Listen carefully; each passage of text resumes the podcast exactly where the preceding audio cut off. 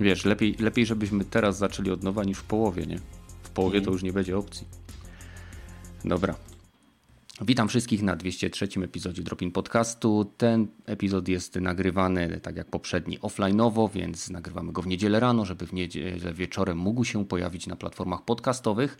Zachęcam Was do oglądania nas e, na żywo, kiedy już będzie taka możliwość, a także do odsłuchania nas na Spotify, e, gdzie zazwyczaj ten podcast zwłaszcza jeżeli jestem na wyjeździe, pojawia się ciut wcześniej niż podcast, e, że tak powiem, retransmitowany o 20 e, tutaj w formie premiery. Więc pamiętajcie o tym i cóż, dajcie łapkę w górę, jeżeli Wam się podoba. Przechodzimy do typowego wstępu. Dzisiaj Godryk, Gragi, Pepesz. Witam panowie. Cześć wszystkim. Cześć. Siema. Więc tak, Godryk, jesteś pierwszy. Co tam u ciebie? Jestem pierwszy, no trochę mnie nie było, z tego co pamiętam to ostatni raz to było jeszcze przed y, pokazem Ubisoftu. Mhm. W sumie to już dawno temu było i trochę nieprawda, ale to jedyne co chciałbym się tak na szybko do tego odnieść jest to, że tak z perspektywy czasu, tych ostatnich tygodni czy miesięcy, można powiedzieć, że Ubisoft tym swoim pokazem, tutaj przede wszystkim mówię o tym pokazie dotyczącym przyszłości serii Assassin's Creed, zrobił znowu pewnego rodzaju wyłom od pewnej takiej zasady terminowości, bowiem co ciekawe, po tym jak pokazali taką no, przyszłość, można powiedzieć, rozbitą na parę najbliższych lat, znaczy te gry po prostu one nie ukażą się tak należy przynajmniej domniemywać e, w jakimś tam, no, nie wiem czy nawet doczekamy w sumie przy obecnej generacji tych wszystkich e, zapowiedzi, ich realizacji. Natomiast chciałem po prostu zauważyć, że Ubisoft e, zrobił pewną rzecz, która bardzo szybko, czy było to zupełnym przypadkiem, nie wiem, tak można się domyślać, sprawiła, że inni też. To znaczy najpierw Ubisoft przedstawił przyszłość Assassin's Creed, y, ogłosili po prostu tak naprawdę pięć nowych odsłon. Później zrobił to CD Projekt w przypadku i Wiedźminów i Cyberpunka. Było też, e, jeżeli chodzi o przyszłość serii Silent Hill, właśnie tutaj długo wyczekiwany pokaz Konami.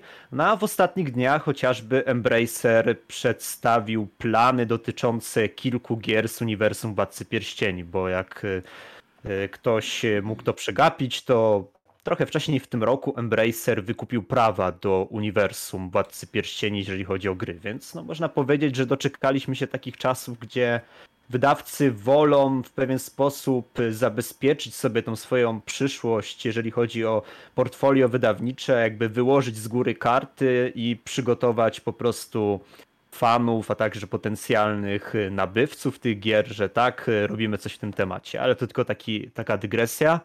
Jeżeli chodzi o to... a wiesz, że w ogóle nie zauważyłem tego schematu? No ja teraz... właśnie mi się to tak mhm. zauważyło, że tak właśnie po tym jak Ubisoft to przedstawił, bo wcześniej nie było aż takich, to znaczy wiadomo, no, wydawcy mieli swoje pokazy, ale nie było czegoś takiego w przyszłości, że mamy jakąś jedną serię i po prostu dajemy nam plan, że za rok wychodzi ta odsłona i mamy jeszcze na przykład cztery kolejne w bliżej nieokreślonej przyszłości. Wiesz, mhm. każdy teraz chce mieć swoje własne Marvel Cinematic Universe po prostu, nie? I wiesz, mamy te... E...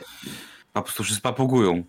Się papugują. Nie wydaje mi się właśnie. W przypadku gier to mimo wszystko to jest jednak osadzone w pewnej takiej konwencji. No, no mamy te Assassin's Creedy chociażby. Tutaj za bardzo też nikt nie będzie tego wymyślał na nowo. Ja bym bardziej powiedział, że to byłby taki Assassin's Creed Universe, gdyby zapowiedzieli na przykład, nie wiem, że mamy od tego momentu drugie, jakby drugą stronę serii, na przykład robimy już tak y, na poważnie gry, nie wiem, o templariuszach, nie? Coś w tym stylu. Mm. tutaj jednak bardziej to jest ten, no, ale to tylko tak jak mówię. Jeszcze, taka, jeszcze chciałem wtrącić jedno, wydaje mi się, że jest bardzo dla mnie jasny powód, teraz kiedy pokazałeś mi ten schemat, dlaczego wydawcy mogą zapowiadać ileś gier do przodu, nawet takich, które tak naprawdę mogą nigdy nie powstać, bo to, że oni zapowiadają, że chcą je zrobić, to na pewno gdzieś tam jest napisane, że y, it's a subject to change, tak, że wszystko może się zmienić.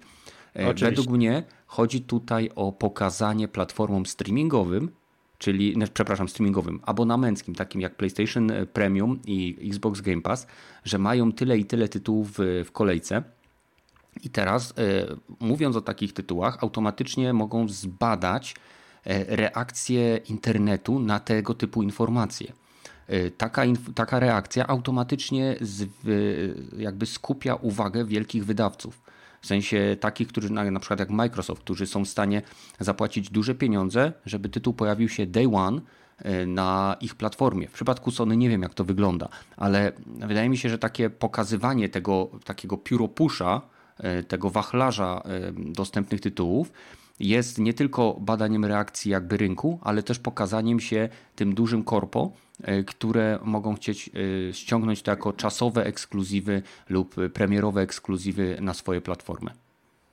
Jasne, ma to jak najbardziej sens. No i też chciałbym zauważyć, że nawet w przypadku właśnie tych Assassin's Creedów, o których zacząłem, to żadnych tak naprawdę dat nie dostaliśmy. Oczywiście są jakieś tam plotki, różnego rodzaju przewidywania. Nawet sam najbliższy Assassin's Creed Mirage, on jest po prostu określany jako no, data premiery na przyszły rok. Mówi się, że to ma być pierwsza połowa roku, ale sam Ubisoft jeszcze jakby tutaj nie, nie zadecydował. Całkiem możliwe, że na zbliżającej się gali The Game Awards y, możemy dostać coś z Mirage, w końcu gameplay, no bo dostaliśmy tylko trailer.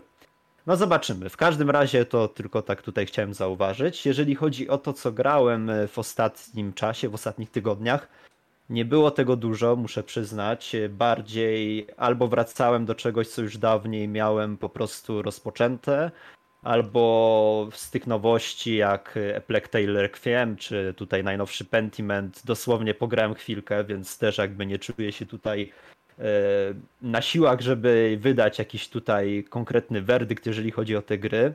Na pewno jest tego bardzo dużo i jeżeli ktoś jest czy to subskrybentem Plusa, czy Game Passa, to tego wpada praktycznie z tygodnia na tydzień bardzo dużo.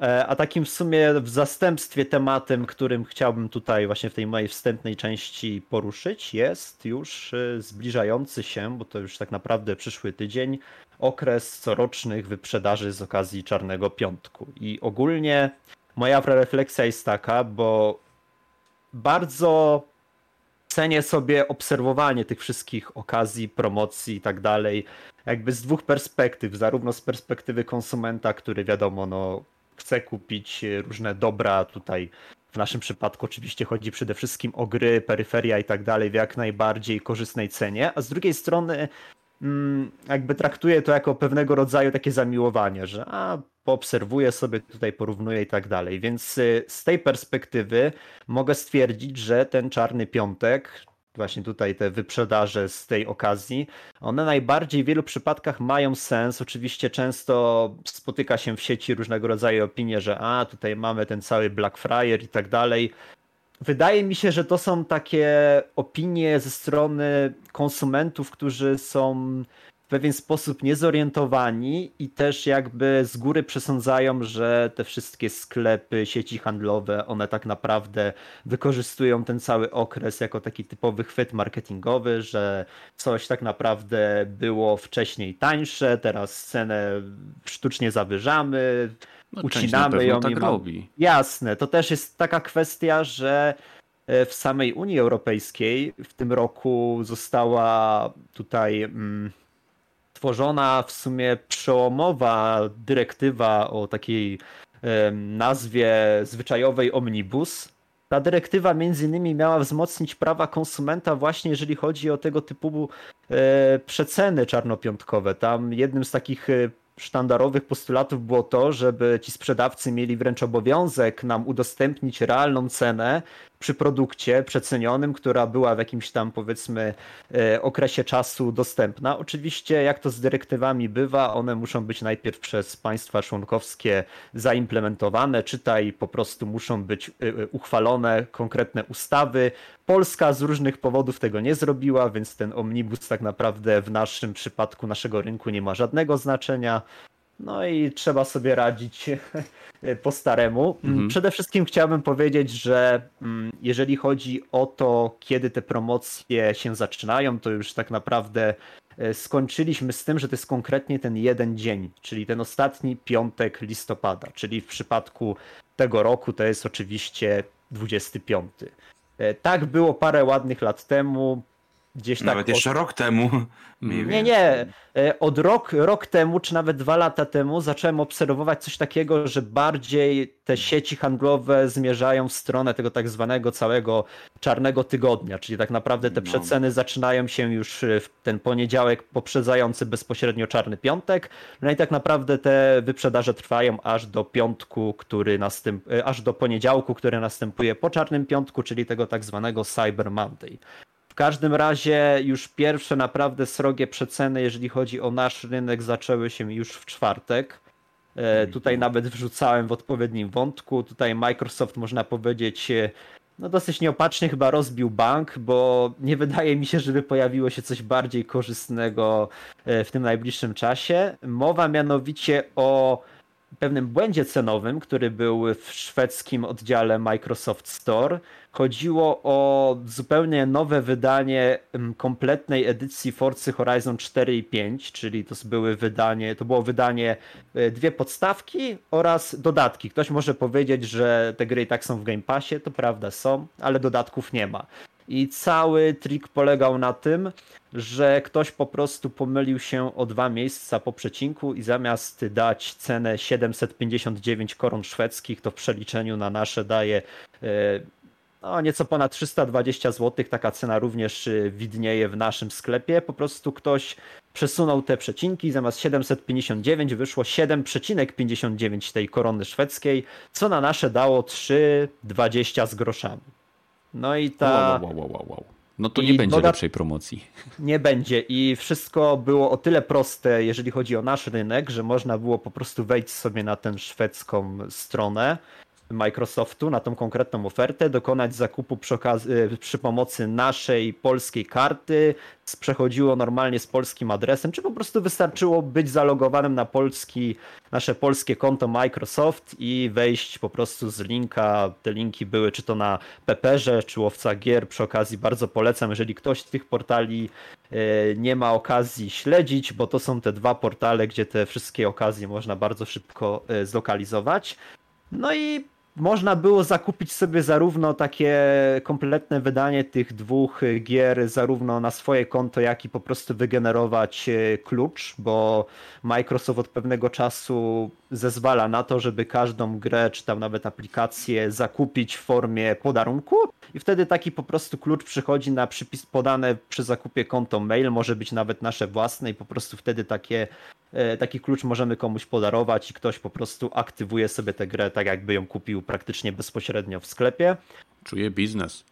No właśnie biznes jest na taki, że bardzo szybko na znanych portalach aukcyjnych e, pojawiły się oferty oscylujące nawet w granicach 100 zł plus. Oczywiście osoby takie, które wystawiły te klucze, bardzo szybko znalazły nabywców, bo przypominam, cena sugerowana podstawowa tego pakietu to ponad 300 zł. Powiem tak. Trochę się dziwię takim osobom, bo ja akurat wyznaję taką zasadę, że jeżeli już mamy jakiś błąd cenowy, to oczywiście wiadomo, no samemu skorzystać, to przy okazji.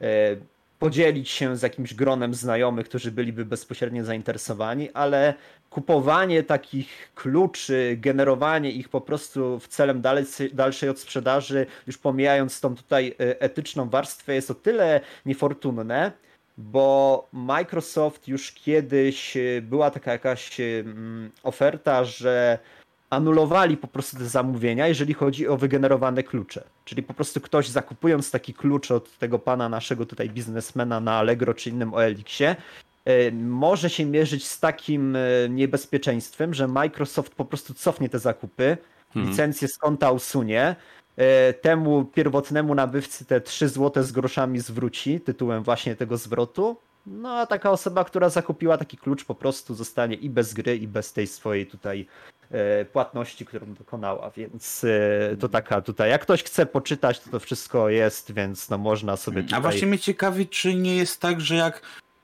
kupiłeś no. na tym błędzie za te 3 zł, czy Microsoft nie anulował tego, no bo... Wiesz no, zdarzały się najczęściej takie błędy cenowe, czy to właśnie jeżeli chodzi o przewalutowanie, czy właśnie komuś tam pomyliły przecinki, często są spotykane na węgierskim Microsoft Store. Ja się zawsze śmieję, że chyba ktoś tam wyznaje zasadę Polak, Węgier i bra dwa bratanki, bo też zakupy mm. normalnie przechodzą polską kartą. Można oczywiście płacić walutową, żeby trochę tam zaoszczędzić na przewalutowaniach z forintów, ale pamiętam, że jakiś czas temu też była taka, taki błąd, że sprzedawali bodajże mm, też dwie pełne wersje gier, to był Fallout 4 i Skyrim w tej edycji rocznicowej, to tam wychodziło chyba 20 zł, y, a ta cena powiedzmy sugerowana była 200, więc no było 10 razy mniej, no w tym wypadku było tak naprawdę 100 razy mniej, więc y, takiego błędu jeszcze nie było, ale nie cofnęli jeszcze tego, więc wydaje mi się, że jeżeli ktoś kupił bezpośrednio do siebie na konto, raczej może być spokojny.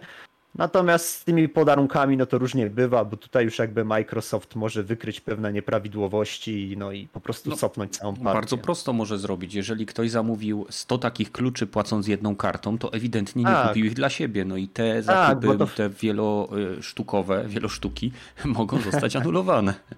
Tak, bo to po prostu, może tak jak mówiłem, można było tak naprawdę, przypisuje się tam konkretny mail, na który ten podarunek ma przyjść, ale można przypisać ten sam mail na którym się ma swoje konto Microsoft i system w żaden sposób nie blokował. Ktoś tam się chwalił nawet, że ponad 40 sztuk zakupił tym sposobem, więc no tak może być. No w każdym razie to, to, to była taka ciekawostka. Jeżeli chodzi o drugą stronę barykady, czyli PlayStation, no to do tej pory takie najlepsze okazje to były w naszych polskich sklepach, też było tutaj wrzucane, więc jak ktoś jest zainteresowany, to odsyłam na naszego Discorda to były wersje pudełkowe Ghost of Tsushima i The Last of Us Part 2. Obie te, oba ta pudełka można było kupić po 39 zł sztuka, co obserwując chociażby zeszłoroczne promocje, mm. to były najniższe ceny w historii, bo wcześniej te gry najniżej jak były w promocjach to było chyba 79 zł, o ile kojarzę. Więc... No ale Black hmm. Friday jeszcze przed nami, jeszcze mamy e, do prawdziwego Black Friday w sumie e, tak, tydzień, nie? tylko właśnie tutaj... Ja, to, mnie już i tak, nie wiem czy was nie męczy, no. to od początku miesiąca jest tak Black Month, Black Week, Black no. Friday. E, no, Black na pewno to trochę traci na uroku, nie? Tak, ale to jest tragedia, bo bombardują nas, zaraz się to skończy i będzie to, co będą przeceny świąteczne od razu, nie? No. Czyli no. wiesz, z jednej strony to jest wiesz, fajne, bo faktycznie masz tak, czas, Tylko, że tam zawsze bezsensowne są te promocje. Masz niby 80% obniżki na coś, a tak szczerze przeglądasz, gdzie jest to 80% na co i jest na rzeczy, które albo mamy, albo nie potrzebujesz. Ale nie, chodzi to, o elektronikę. To prawda, mówię o elektronice i o grach, bo nie mówię o innych rzeczach, nie? Mm, tak, okay, dlatego na przykład muszę tutaj przyznać jedną rzecz, że jeżeli chodzi o promocję tą na PlayStation Store, to jestem pod wielkim wrażeniem, jak e, ją zrobili, bo przecenili sporo nowych tytułów. Dying Light 2, nawet świeżutki A Plague Tale jest już tam 25% taniej, więc kurde tak wiesz, tak teraz wiesz, zastanawiam, bo ja sobie kupiłem tego Apple Tale'a i tak mówię, gdybym wiedział, że on będzie na Black Friday e, wyprzedaży, to bym sobie, kurde, teraz to dopiero kupił, chociaż i tak bym pewnie nie grał, bo oddałem pada, więc nie mam na razie jak grać. Ale szczerze, to się ma takie, że wiesz, tak jak wcześniej było, że ten Black Friday to jest taka oczywiście wtedy wścieklizna, że wow, bo mamy ten. Tak teraz jest tak jak ze świętami. Masz miesiąc wcześniej wyprzedzenie, że tu jak już przyjdzie ta właściwa promocja, to już na tobie to nie robi wrażenia, bo albo już kupiłeś co chciałeś, albo już tak stwierdzisz, że no lepszych przecen nie będzie, nie? Że tutaj nic ciekawego nie ma. Jasne, to pozwólcie, że już skończę, bo też nie chcę tutaj za bardzo przedłużać. Tak dobrze tutaj zauważyłeś, Gragi, że niektóre tutaj e, przedsiębiorstwa, niektóre firmy zaczęły te promocje wcześniej. Sony zaczęło już od piątku, zarówno jeżeli chodzi o PlayStation Store, jak i subskrypcję PlayStation Plus.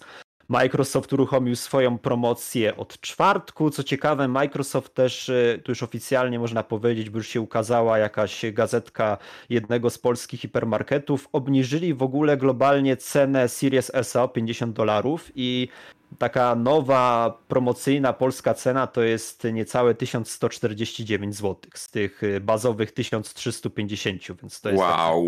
Więc to jakby trzeba też pochwalić. No i właśnie, jak jeżeli ktoś chciałby kupić Xboxy, ten Series S będzie w takiej przecenie już tak naprawdę od jutra podejrzewam, więc jeżeli ktoś poluje, to niech patrzy, czy to właśnie na Allegro, czy tego typu e, inne sklepy. Taniej niż nowy Exa... pad od Sony. Właśnie, to, to już jest oficjalne, tak, taniej, bo już poniżej 1200 już te ceny się pojawiają. Tak samo Series X już można kupić za 2300, czy nawet na Amazonie był za 2250, więc tak naprawdę już tak po dwóch latach dotarliśmy do cen premierowych, tutaj należy się cieszyć. No, szkoda, że nie można tego o bezpośredniej konkurencji powiedzieć, no ale to już, to już taki model biznesowy najwyraźniej. I tutaj na samym końcu jeszcze chciałbym wspomnieć, że tak, y, najprawdopodobniej inni duży gracze pokroju, czy to właśnie na PC Steama, czy Epika, y, zaczną swoje właściwe wyprzedaże dopiero w przyszłym tygodniu. No zobaczymy, co to, co to wszystko przyniesie. W każdym razie, jeżeli ktoś y, poluje na. Nie, no, jakieś... mamy już jedną wyprzedaż od Bandai Namco, tam do 90% ale ja, na niektóre tytuły. Ale ja mówię o tej takiej czarnopiątkowej, tej A, takiej, wiesz, na, na, cały, na cały przekrój, bo Epic prawdopodobnie to zacznie w czwartek, bo oni zawsze w czwartek no. zmieniają swoją ofertę, więc no jak ktoś poluje, to, to oczywiście tutaj wszystko się dopiero tak naprawdę rozstrzygnie. No i tyle. Dziękuję. Okej, okay, e, no więc e, przeskakujemy. W ogóle to jest e, ciekawy temat. Myślę, że mo możemy po zakończeniu tego miesiąca slash tygodnia czarnych wyprzedaży, możemy na spokojnie porozmawiać o tym, co ewentualnie udało nam się zakupić, na co się zdecydowaliśmy, co nas kusiło, ale mhm. jednak nie kupiliśmy, więc możemy to zostawić na jakiś przyszły epizod. A teraz przeskakujemy do Gragiego. Gragi, co tam no. u ciebie? No żyję, żyję, jeszcze żyję, chociaż mówię, trochę jestem w małej niedyspozycji po 25 urodzinach PSX-a. W sensie PSX Extreme, żeby nie była, nie Playaka. No ale co, e, gdzie imprezowałeś? Wiesz co, akurat tam, gdzie organizacja była, czyli w klubie Potok w Warszawie. E, była właśnie okazja, żeby się spotkać z redaktorami, ale też i z kilkoma przedstawicielami pewnych wydawnictw, więc E, wiesz, miałem tu okazję, żeby się gdzieś tam zobaczyć na, z niektórymi pierwszy raz na żywo. E, więc mówię, teraz tak jakby trochę odchorowuję, więc mój głos może być e, nie, w nie najlepszej kondycji.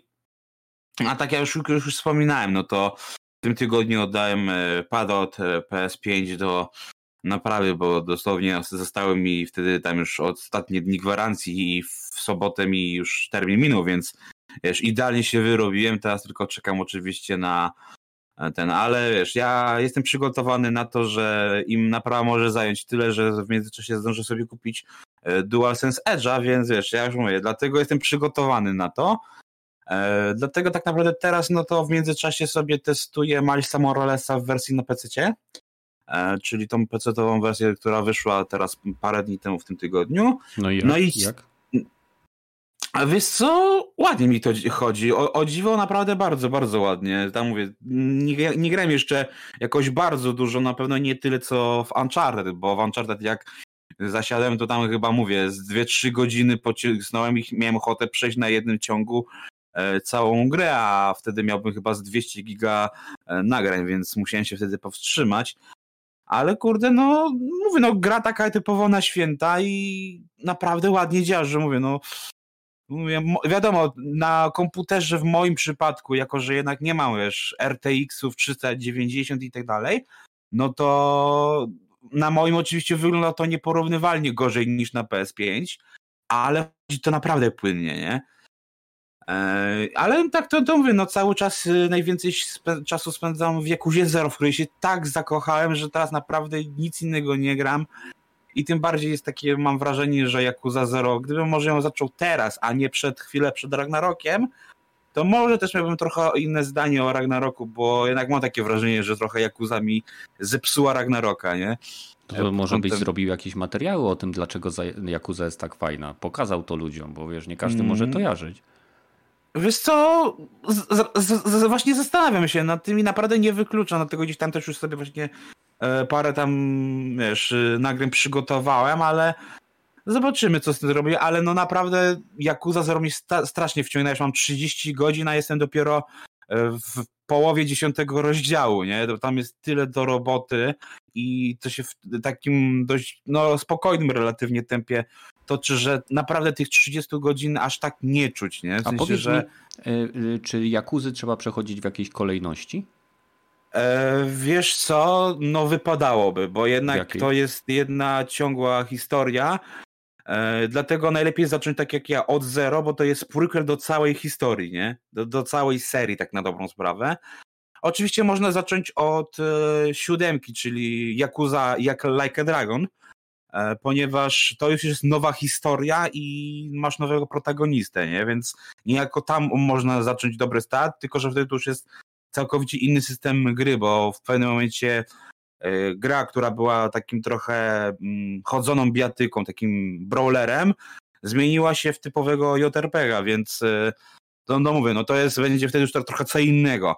Ja mówię, ja właśnie chciałem od samego początku, wiesz, od, od zero przez te kolejne części, czyli remake jedynki, remake dwójki i powiem Ci szczerze, że naprawdę jestem aż w szoku, jakie to jest dobre. Oczywiście widać pewną budżetowość, widać y, jednak pewną, że powiem, japońską szkołę projektowania i tak dalej, i tak dalej. I oczywiście boli mnie strasznie ta bariera językowa, ale naprawdę gra jest fantastyczna. No, mówię, taki trochę, trochę interaktywny serial, lepszy niż David Cage by wymyślił, nie?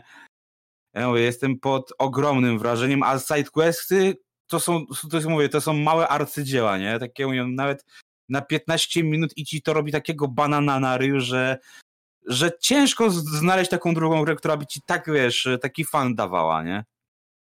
Okej, okay, okej. Okay. No dobra. E, jeśli chodzi o mnie, to tak naprawdę ciągle siedzę tutaj w Bawarii. E, mam, tak jak wspomniałem, konsolę i grałem sobie ostatnio, co ja sobie ostatnio, wczoraj grałem w Diablo 2. E, przeszedłem, wreszcie zabiłem wreszcie Mephisto, więc jestem ciut dalej. E, ale takimi krótkimi susami podchodzę do Diablo, bo mm, bardzo mnie irytuje zarządzanie ekwipunkiem, ta mała ilość miejsc w plecaczku i, i to wszystko jakby wkurza mnie.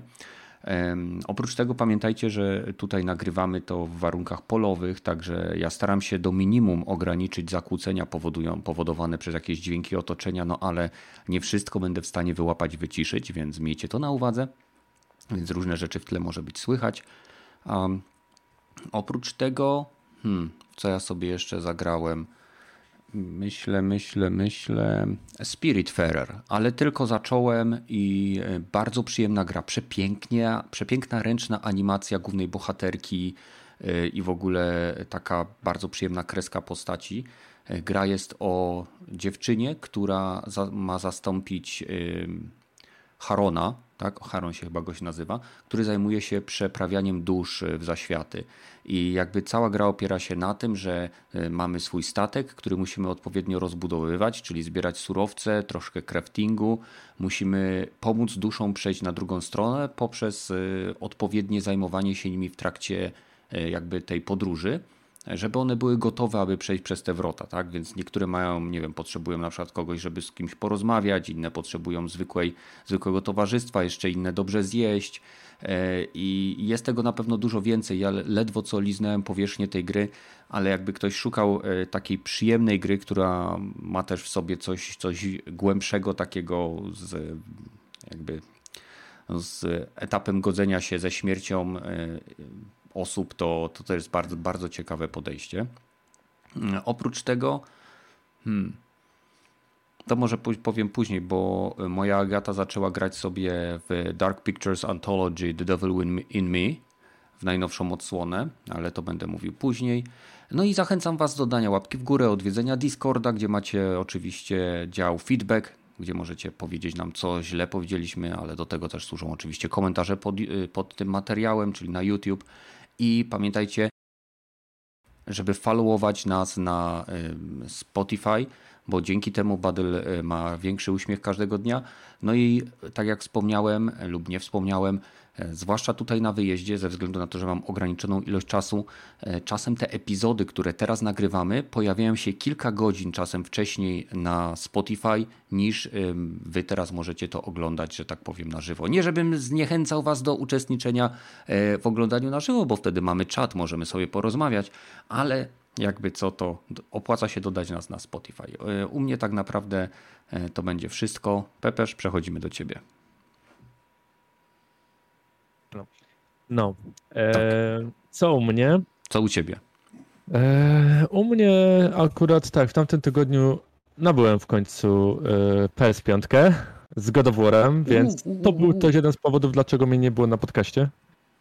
Jak mogłeś postawić God of War'a wyżej niż ten celebrowany przez naszą społeczność podcast, który jest słuchany przez setki ludzi?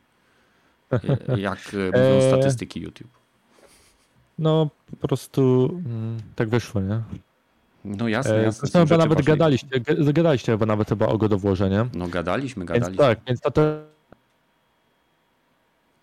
Hmm. Ile i tak dalej, wiesz, bałem się, że Gragi coś powie i e, nie będę miał e, po prostu momentu ucieczki, nie?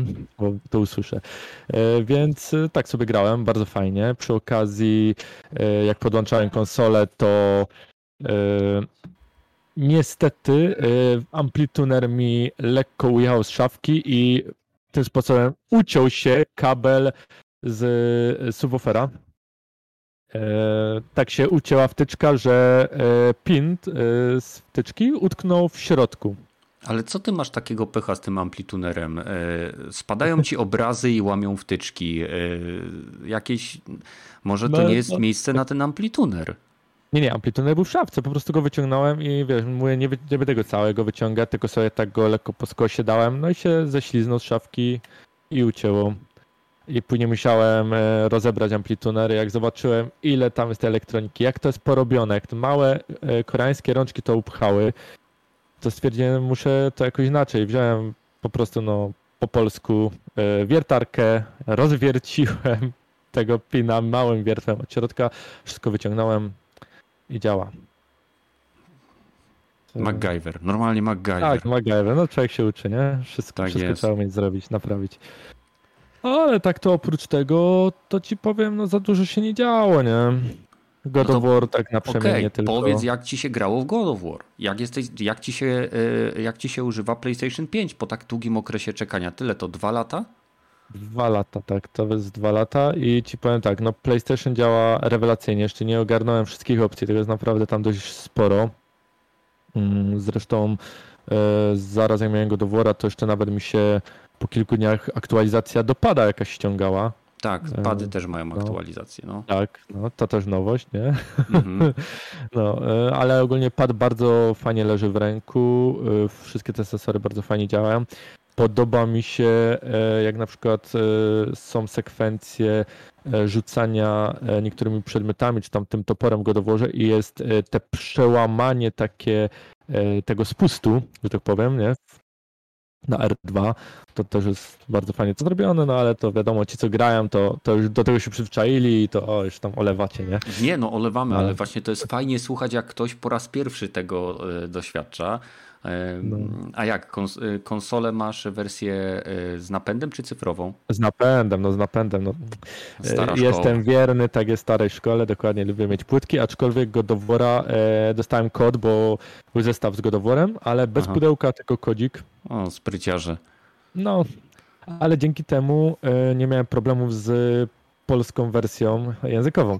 A, no tak, tak, tak. O tak, tym mówiliśmy też w zeszłym tygodniu. No, no, no. Cyfrowa miała, e, nie, była, nie miała problemów, a wersja na płytach niestety miała. To wtedy pamiętam, e, Badel chyba mówił i płakał nad tym faktem, bo lubi z dubbingiem, nie? No, niektórzy znaczy, ja tak też lubię z dubbingiem, nie, nie, nie ukrywam. E, poprzedniego grałem i w poprzedniej części tak samo w God of War, jak był dubbing, to grałem. Mhm, mhm. I jak, jak na razie? Długo już spędziłeś czasu w Gowie? Godzin tam nie policzyłem, ale. Ja, ja Masz teraz, tych... że ci w profilu pokazuje, ile godzin spędziłeś, więc to jest też taki fajny myk. To sobie sprawdzę później e, i To inaczej, jak ci się podoba? Względem e, jedynki. E, bardzo. Wszystkie ściany liżę, jak to mówią, nie? Wszystko mhm. szukam wszystkich sekretów, ale e, niestety e, jest tam trochę takiej metro Wani, że trzeba się będzie cofnąć, tak jak w poprzednim doworze było, tak. bo są etapy, do których się nie dostaniesz, bo nie masz jakiegoś narzędzia. Mm -hmm. Z jednej strony to jest fajne, z drugiej strony trochę wkurza, bo kurczę, no... Mm, Zapamiętaj to. Znowu muszę wrócić i zapamiętać te miejsca, gdzie to było, nie? No liczę, że może jakoś fabularnie będzie poprowadzone, ale nie, nie mogę się o to łudzić, że trzeba będzie niestety samemu chyba ruszyć się tam Nie, no wiesz, przejście fabuły podobno to około 30 godzin. Przy tak. zrobienie kompletnego e, calaka w tej grze to około 70-80. Więc myślę, że część tych rzeczy, których, do których nie masz dostępu, jest częścią tego jakby, e, wiesz, zbierania tych dodatkowych znajdziek, dodatkowych rzeczy. Mogę się mylić, bo ja jeszcze God of War nie mam. Będę grał teraz, jak wrócę po 16 grudnia, to pierwsza z rzeczy, które wsadzę e, w moją konsolę, to będzie właśnie God of War. I, I, mam zamiar po prostu odciąć się od świata i. No, zagrać. warto, warto. Ja ci powiem. Yy, ogólnie też testowałem oba tryby, bo tam jest ten tryb wydajności i jakości. Yy, na początku grałem na jakości, później zmieniłem na wydajność i tak szczerze yy, nie widzę różnicy w utracie graficznej, mhm. ale jest szybszy, bo widać, że tych FPS-ów doszło. Tak, bo nie tam wiem ile, bo tam... jest rozdzielczość jest chyba z różnicą. Tak. tak, ale naprawdę jest tak minimalne, że jak na dużym telewizorze e, się patrzę, to nie widzę tego po prostu, więc e, spoko zostawiłem sobie na e, po prostu, żeby mieć więcej FPS-ów, mhm. bo jednak ta akcja jest szybsza, fajniej się w to gra. No, w no końcu można trochę więcej niż 30 mieć FPS-ów, nie? W konsoli, wow. No, no, Dali no. radę. Tak, tak. No, ale tak to fabularnie jest fajnie. Atreus dalej mnie tak denerwuje jak w poprzedniej części. E, niestety e, muszę z tym żyć. Fajne są sekwencje, jak chodzi się bez Atreusa. Wiesz co, ja myślę, ja myślę, że to wynika z tego, że ty też jesteś ojcem i po prostu dali ci grę z dzieckiem, które cię wkurza. Eee, bez komentarza. Okej. Okay. No tak, ale, on, ale pomocny też jest, prawda? Po prostu się zachowuje znaczy, w pewnych scenkach przerywnikowych, jest e, troszkę nastolatkowy. Trochę jest taki drażliwy, ale ja ci powiem, z tą jego pomocą to za bardzo nie ma tych, on tam owszem strzela ze strzał i tak dalej, ale większość przeciwników to on ktoś na mnie szarżuje, ja klikam y, kwadrat, żeby y, wystrzelił kilka strzał, przeciwnik nawet nie reaguje, to jak wiesz, jakbyś, nie wiem, jakąś tylko go tam coś dotkło i tyle, on dalej biegnie na mnie, szarżuje, więc e, może później będą jakieś jego lepsze umiejętności, a, e, które będą bardziej blokowały, aczkolwiek gdy się Atreusem gra, to kurczę, ma fajne te umiejętności i czemu I, i one nie są... Proszę cię, nie idź e... dalej, bo już powiedziałeś mi, że się nim gra. Okej? Okay? Dziękuję. Znaczy to nie jest spoiler, bo to jest po prostu dla mnie to było logiczne, że dadzą możliwość grania chłopakiem, ale okej. Okay. E, przechodzimy dalej. Czy coś jeszcze chcesz dodać? Nie, nie, nie, nic. Okej, okay. dobra. E, więc e, z ciekawych newsów, co tam wam się rzuciło w oczy, co was zainteresowało lub wkurzyło lub poruszyło z giereczkowych wiadomości w minionym tygodniu? Hmm? No to może rozpocznę tak dosyć przewidywalnie. A mhm. mianowicie tym, że ogłoszono w końcu tegoroczne nominacje, jeżeli chodzi o The Game Awards, czyli właśnie tych naszych tutaj growych Oscarów, jak to niektórzy określają. No i nominacji jak zwykle było bardzo wiele, w tym też dla zupełnie nowej kategorii, a mianowicie dla najlepszej adaptacji, i w sumie dosyć opisywano to z tego co pamiętam, jak y, ogólnie ten temat się pojawił, że to mają być adaptacje, y, jeżeli chodzi o gry na najróżniejszych polach i obszarach. No, wszystko tutaj poszło trochę w monotematykę, bo te wszystkie nominowane adaptacje to są seriale. O. Chociażby. A mogliby dodać Mortal Kombat z 95 i by kurde wiadomo kto wygrał.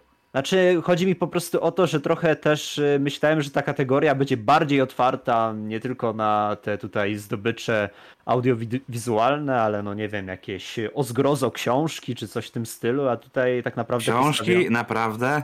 Naprawdę, tak? Coś takiego jeszcze istnieje. Znaczy, I... ja wiem, ale naprawdę chciałbyś je nagradzać?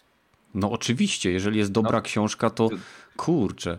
Yy, powiem ci tak, na podstawie gier niektórych serii powstało masę dobrych książek, że też... No na przykład. Assassiny i Far Cry, dlatego wiesz, ja wiem, nie, nie, tylko mówię, Nie, nie, nie, Far Cry to tam już ten, ale jeżeli chodzi o Ubisoft, to chociażby właśnie Assassin's Creed. Tutaj jak Kenneth wspomniał, Mass Effect, no chyba takimi pierwszymi książkami, które były, tak możemy to nazwać, na podstawie gier, no to wszystkie książki, jeżeli chodzi o WoWa.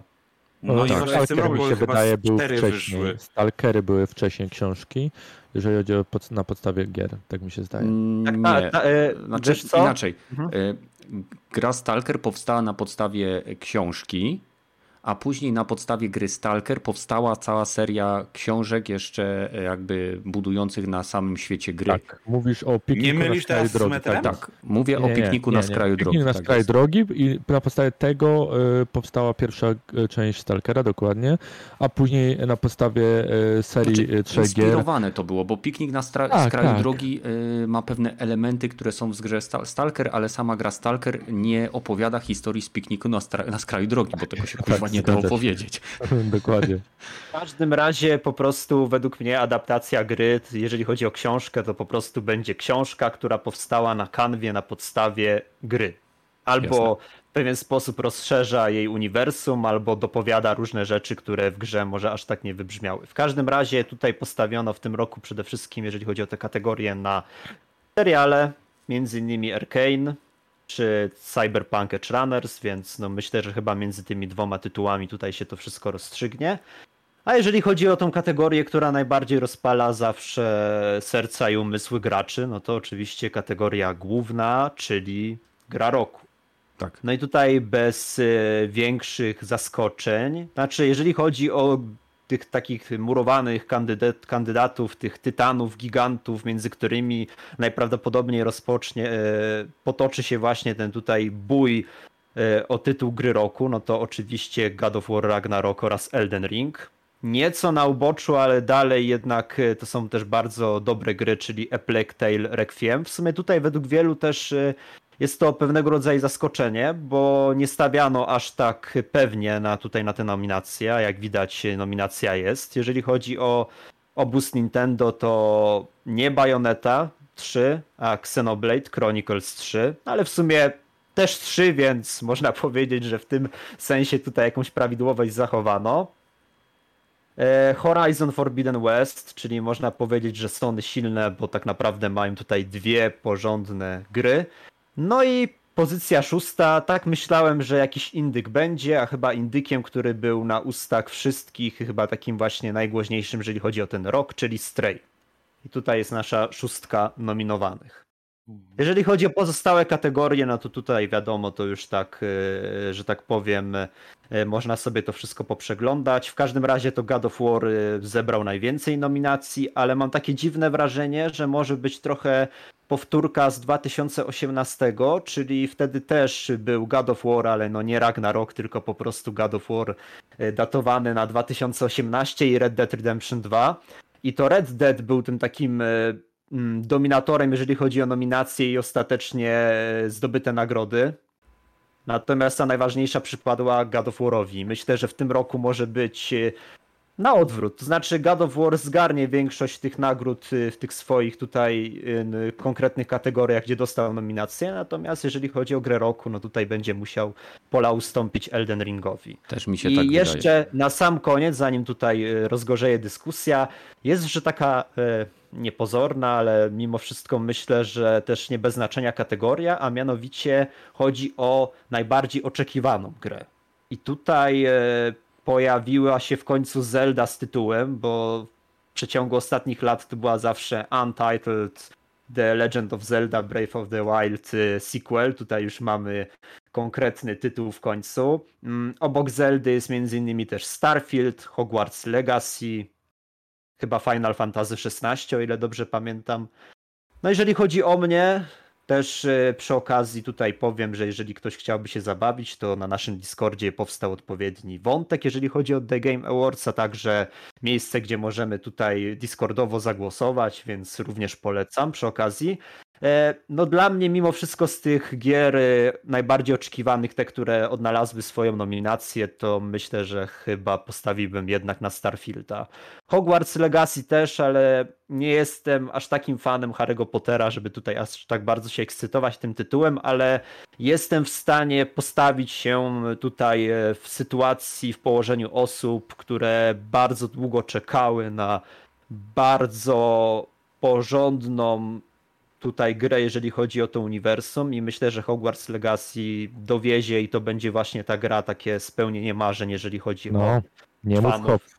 Bo nie ja tutaj jestem też fanem i y, czekam na w końcu grę dla dorosłych, a nie dla niestety dwunastolatków, nie? E, powiem tak, ktoś, jasne, znaczy ktoś tutaj taki złośliwy powiedział, że to studio, które robi Hogwarts Legacy, czyli Avalanche, ale nie to Avalanche -hmm. of Just Cause'ów chociażby, czy e, Mad Maxa, tylko to inne Avalanche i ich ostatnią grą to były bodajże auta.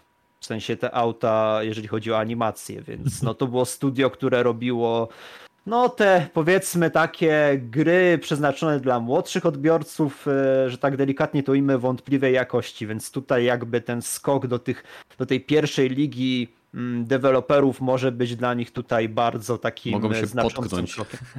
Mogą się potknąć, ale wydaje mi się, że też no przecież każde duże studio, które znamy dzisiaj, wszyscy ci giganci, oni musieli po prostu przejść z tego etapu.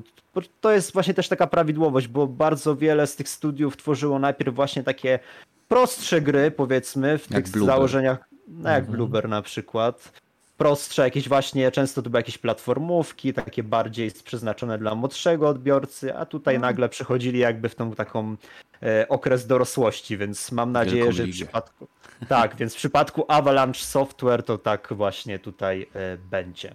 No więc okay. tutaj to tyle z mojego wstępu. E, no więc jeśli chodzi o to głosowanie, no to faktycznie Kiwaku włożył sporo pracy, żeby w wątku The Game Awards stworzyć podwątek TGA 22 głosujemy. I tam za pomocą emoticon można pod każdą z kategorii e, zagłosować na tytuł, który nas interesuje. I jestem ciekaw, Pepeż, głosowałeś już tam? E, ja jeszcze, jeżeli chodzi o na Discordzie nie, e, mhm. ale głosowałem na oficjalnej na stronie. stronie. Okej, okay, tak to jest, dobrze, bo tam... będę miał pytania. E, więc mhm. tak, jeśli chodzi o Game Awards the, the, i The Game of the Year, tak jak wspomniałeś, Godryk, mamy tam Elden Ring, God of War i tak dalej. W chwili obecnej nie mamy tam dużo głosów, ale prowadzi God of War, God of War Ragnarok, jeśli chodzi o nagrodę gry roku. Pepesz, ty jak zagłosowałeś tam u siebie? E, na grę roku. Aha. E, na grę roku e, no miałem trochę taką zagwostkę, bo z tych gier, co tam są, to no, nie skończyłem, że tak powiem, i w większości nie grałem, więc zagłosowałem na to, co gram, czyli God of War'a. Mhm. Okej, okay, no. Nad Horizonem się jeszcze rozpatrywałem, ale jednak God of War, nie myślę. Mhm. E, Gragi? Gragi, jesteś? Jak to wygląda jestem, u ciebie? Jestem, z tych Wiesz Game co, jeżeli chodzi o... Na co stawiasz? Mm, czy właśnie tutaj tak samo. Ja bym osobiście bardziej szedł w Horizona, ale wiem, że wygra Ragnarok, więc ostatecznie zagłosowałem na Ragnaroka, mimo że mhm. uważam, że Horizon bardziej by zasługiwał niż Ragnarok, ale to już jest. Okej, okay, no ja osobiście bajka. uważam, że wygra Elden Ring ze względu na to, że jest to gra, która absolutnie wpłynie na całą branżę, jeśli chodzi o gry RPG z otwartym Właśnie. światem. E, i choćby za to e, mogłaby dostać, na, za, samo, za samo to osiągnięcie. To nie jest najpiękniejsza gra, e, ale to jest gra, która sprawiła, że wszyscy teraz patrzą, jak zrobić kolejnego Elden Ringa, tylko który nie będzie od From Software. Mm. Jak wcześniej wszyscy mhm. patrzyli, jak zrobić kolejne gierki w stylu Souls, mhm. tak teraz wszyscy patrzą, jak posunąć się w tym kierunku. Ale znaczy, też ja... weź pod uwagę, tylko... jeszcze tylko na chwilkę, że, że jednak mimo wszystko Elden Ring to jest taka właśnie Zelda Breath of the Wild, tylko że po prostu w świecie Soulsów, więc to jest bardziej, wiesz, kluczowe dla tego podgatunku e, Souls-like'ów, więc... No dlatego wiesz, właśnie. Jak... A God of War dla mnie nie jest żadny, nie jest kluczowym e, tytułem dla gatunku gier e, akcji Absolutnie trzeciej nie. osoby. On, znaczy, on jest ja ładny, on jest dobrze opowiedziany, on ma wysokie wartości produkcyjne, on ma znanych aktorów, znane głosy i jest epicki. Ale... Tak, ale to mają być właśnie gry akcji yy, z trzeciej osoby, bądź tam w ogóle gry akcji mają być takie. I ta gra ma wszystko to, co powinna, do, powinna mieć dobra gra akcji. A o, jakby nie było w ostatnim czasie, trochę nam takich gier brakuje. No nie wiem, bo na Sony jest Ja bym powiedział, że mam ich zalew. Są, nie, albo są miałkie strzelanki, albo są yy, to chyba na indie, jakieś tak dalej. No. PC to na pewno, no. no. chociaż teraz Sony dba o to, żeby jednak to trochę wyrównać, nie? Bo jednak za, zalewa nas tymi portami. Mhm. Dobra, e, Godryk, bo coś chciałeś powiedzieć, no? Nie, nie, tutaj chciałem właśnie, jak tutaj już y, głosy się zebrały, tutaj można się odnieść. Zgodziłbym się z tobą, Kenneth, że dla mnie osobiście w Elden Ringa grałem, scalakowałem, więc tutaj mam, że tak powiem, doświadczenia z pierwszej ręki. W Ragnaroka nie grałem jeszcze, natomiast patrząc na właśnie tutaj chociażby to, co padło na tym podcaście, na poprzednim, śledząc różnorodne opinie w internecie i nie tylko, e, wyłania mi się taki obraz, że Ragnarok to jest oczywiście w myśl tej takiej maksymy, że tam jest większy, lepszy i tam ogólnie wszystko jest takie mor to mimo wszystko to jest bezpieczny sequel. Natomiast jeżeli, Aż do bólu. Chodzi, natomiast jeżeli chodzi o Elden Ringa, to oczywiście, tak jak tutaj Gragi y, słusznie wspomniał, ten otwarty świat Elden Ringa, on tak y, w oderwaniu od y, tutaj gatunku, podgatunku Souls-like, on tak naprawdę nie jest niczym nowym, bo to już chociażby było w Zeldzie zastosowane. Natomiast dla mnie Elden Ring, jakby patrząc tutaj w obrębie samego podgatunku i studia From Software, to jest ich magnum opus, tak naprawdę takie ukoronowanie tej wieloletniej czy trudnej, czy nietrudnej, no takiej wieloletniej wędrówki. Jak From Software to raczej tak. trudnej. No raczej to tak, wymagająco. Po prostu no, ich, do, ich, dokonań na przestrzeni tych wszystkich lat, no tak naprawdę od pierwszego, od pierwszej gry, czyli od Demon Souls. Chociaż tak, no wiesz bo, co? Y, y, ja, przepraszam, jeszcze chciałem tylko dać, bo ja nie za bardzo widzę w jakim kierunku teraz From Software może pójść, bo zrobi, dopracowali y, samą jakby formułę Soulsów do perfekcji w, pewnym, w pewnych aspektach, dodali do tego otwarty świat i nie widzę za bardzo, w którym kierunku mogą iść dalej. Mogą tylko no. poszerzać ten otwarty świat, polepszać jego grafikę i dodawać do niego więcej życia i wyzwań, bo no mi się wydaje, że właśnie mogą wprowadzić jedną rzecz, która e, nigdy nie była w żadnej ich części, e, czyli, czyli taki... Poziom wyboru trudności. prawdziwy multiplayer, według mnie, ale no, E, właśnie tylko, że nie taki Aha. otwarty, tylko taki na przykład z ograniczoną ilością tam graczy, powiedzmy, nie wiem, do pięciu bohaterów na cały świat, nie?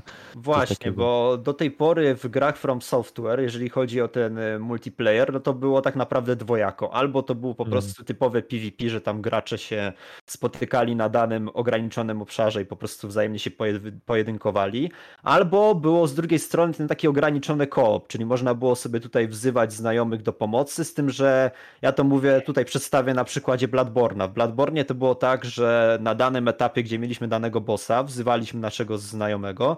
Z tym znajomym mogliśmy sobie eksplorować ten dany tutaj obszar do tego bossa, natomiast po pokonaniu tego bossa znajomy po prostu znikał. Trzeba było go później ponownie przywołać. I e, wydaje mi się, że tutaj co wspomniał Pepe, że to może być kolejny krok w tej ewolucji, że wprowadzić takiego pełnoprawnego koopa, gdzie gramy od początku do końca razem. Czyli mówicie, że następny etap to jest y, kooperacyjna gra z otwartym światem, gdzie można całą grę przejść w koopie, a następny, następny etap to jest y, gra MMORPG oparta nie, o świat aż tak, Dark Souls. Aż tak daleko bym Albo live service. Też o. właśnie to jest w ogóle ciekawe. Valhalla na przykład, nie?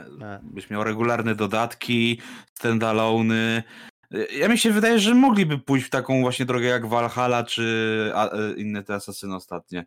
Ale słuchajcie, nie zapominajmy też, że Elden Ring mimo wszystko to jest dalej typowa gra, jeżeli chodzi o Soulsy. Bo ten otwarty świat, no to może zabrzmi trochę brutalnie, ale on dalej jest dodatkiem bo te typowe, dopracowane, korytarzowe lokacje, czy właśnie jakieś takie większe, bardziej rozbudowane, jakieś tam lochy, zamczyska i tak dalej, to dalej jest w Elden Ringu. Tak naprawdę ten otwarty świat w Elden Ringu, on pełni taką funkcję Co, czysto... Zapychacza?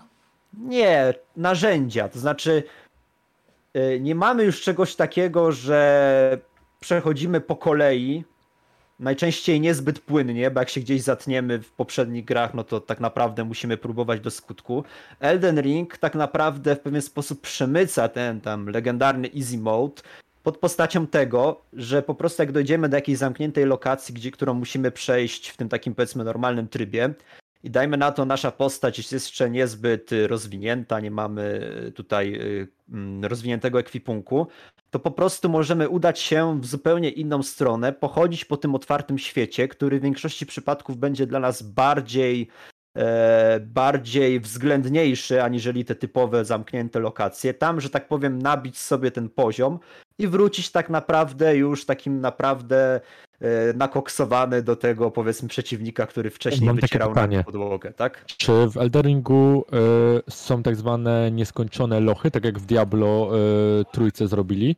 Że masz e, zawsze poziom niżej, one są generowane losowo. Wiesz, co mi chodzi? Generowane wiem, losowo. wiem. Nie, nie. Lochy są, lochy są co prawda metodą robione kopiuj w klej, więc to jest mhm. ten jeden z większych zarzutów, który tutaj trzeba po, postawić. Natomiast ich jest skończona e, liczba. Mhm. Czyli, Czyli nie, prostu... bo widzisz, to też mogliby zrobić w kolejnej części albo w, choćby w dodatku, no. że zrobić lochy, które są, e, mają zawsze e, więcej, wszystkie więcej przeciwników, cięższych przeciwników i coraz niżej, niżej, niżej. I wiesz, e, może być nawet nieskończoność, tak, tak, wiadomo... Dziwi mnie, mhm. dziwi mnie że właśnie... Twoje ograniczenia, jeżeli chodzi o umiejętności, będą ograniczały cię, nie? No, tak, mów. dziwi mnie po prostu, że nie przenieśli tak naprawdę tego rozwiązania, co było w Bloodborne, czyli tam mieliśmy lochy kielicha i to właśnie były takie lochy, które w pewien sposób były generowane losowo i tak naprawdę możliwość tych modyfikacji była na tyle duża, że w te lochy kielicha można grać tak naprawdę bez ustanku. Znaczy tam była pewnego rodzaju fabuła, to znaczy był ten ostateczny boss, którego mogliśmy e, zlikwidować, natomiast e, no, w Elden Ringu zabrakło właśnie tego typu lochów z elementami proceduralnej tutaj generacji, jeżeli chodzi o to. Czyli po mm -hmm. prostu no, mamy te lochy, no, ale one są tak zrobione naprawdę no... Po macoszemu. Bardzo. No to jest kopiuj wklej. Są oczywiście pewnego rodzaju... Świat jest ogólnie zewnętrzny, ładny, widziałem. Jest, bo tylko... Du dużo gameplayów oglądałem, ale właśnie co do lochów to nie zwróciłem na to tak uwagi. Nie, nie, no, one...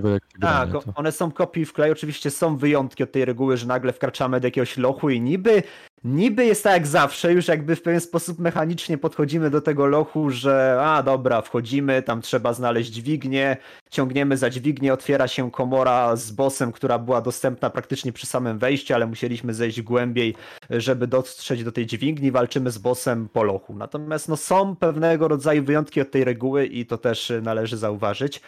No jeżeli chodzi o ten otwarty świat w Elden Ringu, tutaj już tak kończąc ten wątek, to ten świat tak naprawdę to też może zabrzmieć trochę brutalnie, ale to nadal są lokacje. To znaczy, między lokacjami ci przeciwnicy są, podróżują, można znaleźć jakieś przedmioty, ale no, mapa jest tak skonstruowana, że jak dotrzemy do jakiejś powiedzmy ważnej lokacji, jakichś ruin, zamku, jakiegoś tam domostwa, jaskini i tak dalej, ta lokacja zaznacza nam się na mapie i tak naprawdę, jeżeli coś w tej okolicy ciekawego ma być, to prawdopodobnie będzie tam.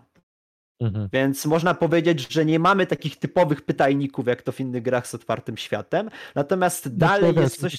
Miejsca charakterystyczne, tak zwane, nie? Na, gdzieś tam na, e, e, na tle ten. No to w Zeldzie to samo robione było właśnie no tak, to mi się bardzo po prostu... podoba w tych grach, że tak. E, nie masz pytajnika, tylko po prostu coś cię zaciekawi, coś Według... błyśnie i idziesz w tym kierunku, nie? Według mnie to jest zdrowy kompromis pomiędzy właśnie tymi takimi e, paskudnymi pytajnikami, które wprost ci mówią, jak chociażby w takim Wiedźminie, że jak tam nie ma pytajnika, to prawdopodobnie mhm. tam nic nie znajdziesz, więc sam nawet nie iść. Od takiego właśnie, że w ogóle nie mielibyśmy żadnych wskazówek. To jest akurat znaczy, bardzo... Ja, ja bym ch chciał, żeby była taka opcja, kurczę, nawet w menu, e, no. że, żeby dać pytajniki albo je wyłączyć. E, coś takiego, że sugerowane jakieś miejsce, że coś może być, albo to wyłączysz. I, bo są gracze, którzy uwielbiają pytajniki, uwielbiają znajdźki, A, jak mają no. zasypaną To nie grają w na trójkę z next genowym update'em, który będzie tak, miał premierę 14 grudnia.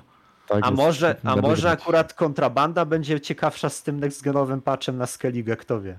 Może, na przykład. W każdym razie chodzi mi po prostu o to, że to, co jest w Elden Ringu, to jest zdrowy kompromis między właśnie tymi takimi typowymi pytajnikami, a podejściem, które powinno być tak naprawdę pewnym wzorem, ale no z racji tego, jak ono kompleksowo ujmuje eksplorację, jest tak naprawdę możliwa, możliwe do zaimplementowania tylko no, w grach, które mają stosunkowo mały otwarty świat, a mówię tu chociażby o już legendarnej serii Gothic.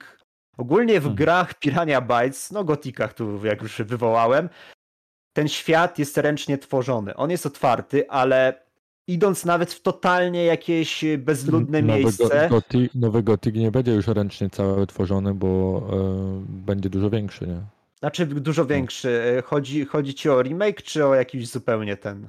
Znaczy, e, remake i tak ma być większy e, z racji znaczy, tego, że... Twórcy ogólnie powiedzieli, że w remake'u mają podejść tak bardzo, że tak powiem, tutaj zebrali ten feedback od graczy po tym grywalnym teaserze i powiedzieli po prostu, że podejdą z najwyższą starannością tutaj, e, jeżeli chodzi o uznanie dla oryginału, a przy tym też e, rozszerzą pewne elementy, które przez pierwotnych twórców były albo pominięte, albo no nie poświęcono pewnym elementom, pewnym lokacjom, postaciom. Ograniczenia sprzętowe były też, nie? Też, ale to o tym chciałem wspomnieć, to po prostu w takich gotikach, idąc totalnie w jakieś po prostu y, miejsce oddalone od y, Bożego Świata, jesteśmy w stanie znaleźć coś, co zostało ręcznie przez twórców umieszczone, jakąś broń, jakiś y, niestandardowy ekwipunek. I tak naprawdę nagradzana jest tylko nasza nieskrępowana potrzeba eksploracji. I coś takiego według mnie powinno być wzorem, natomiast no, biorąc pod uwagę, jak to jest bardzo takie szczegółowe, jednak no, twórcy po prostu muszą to w pewien sposób e,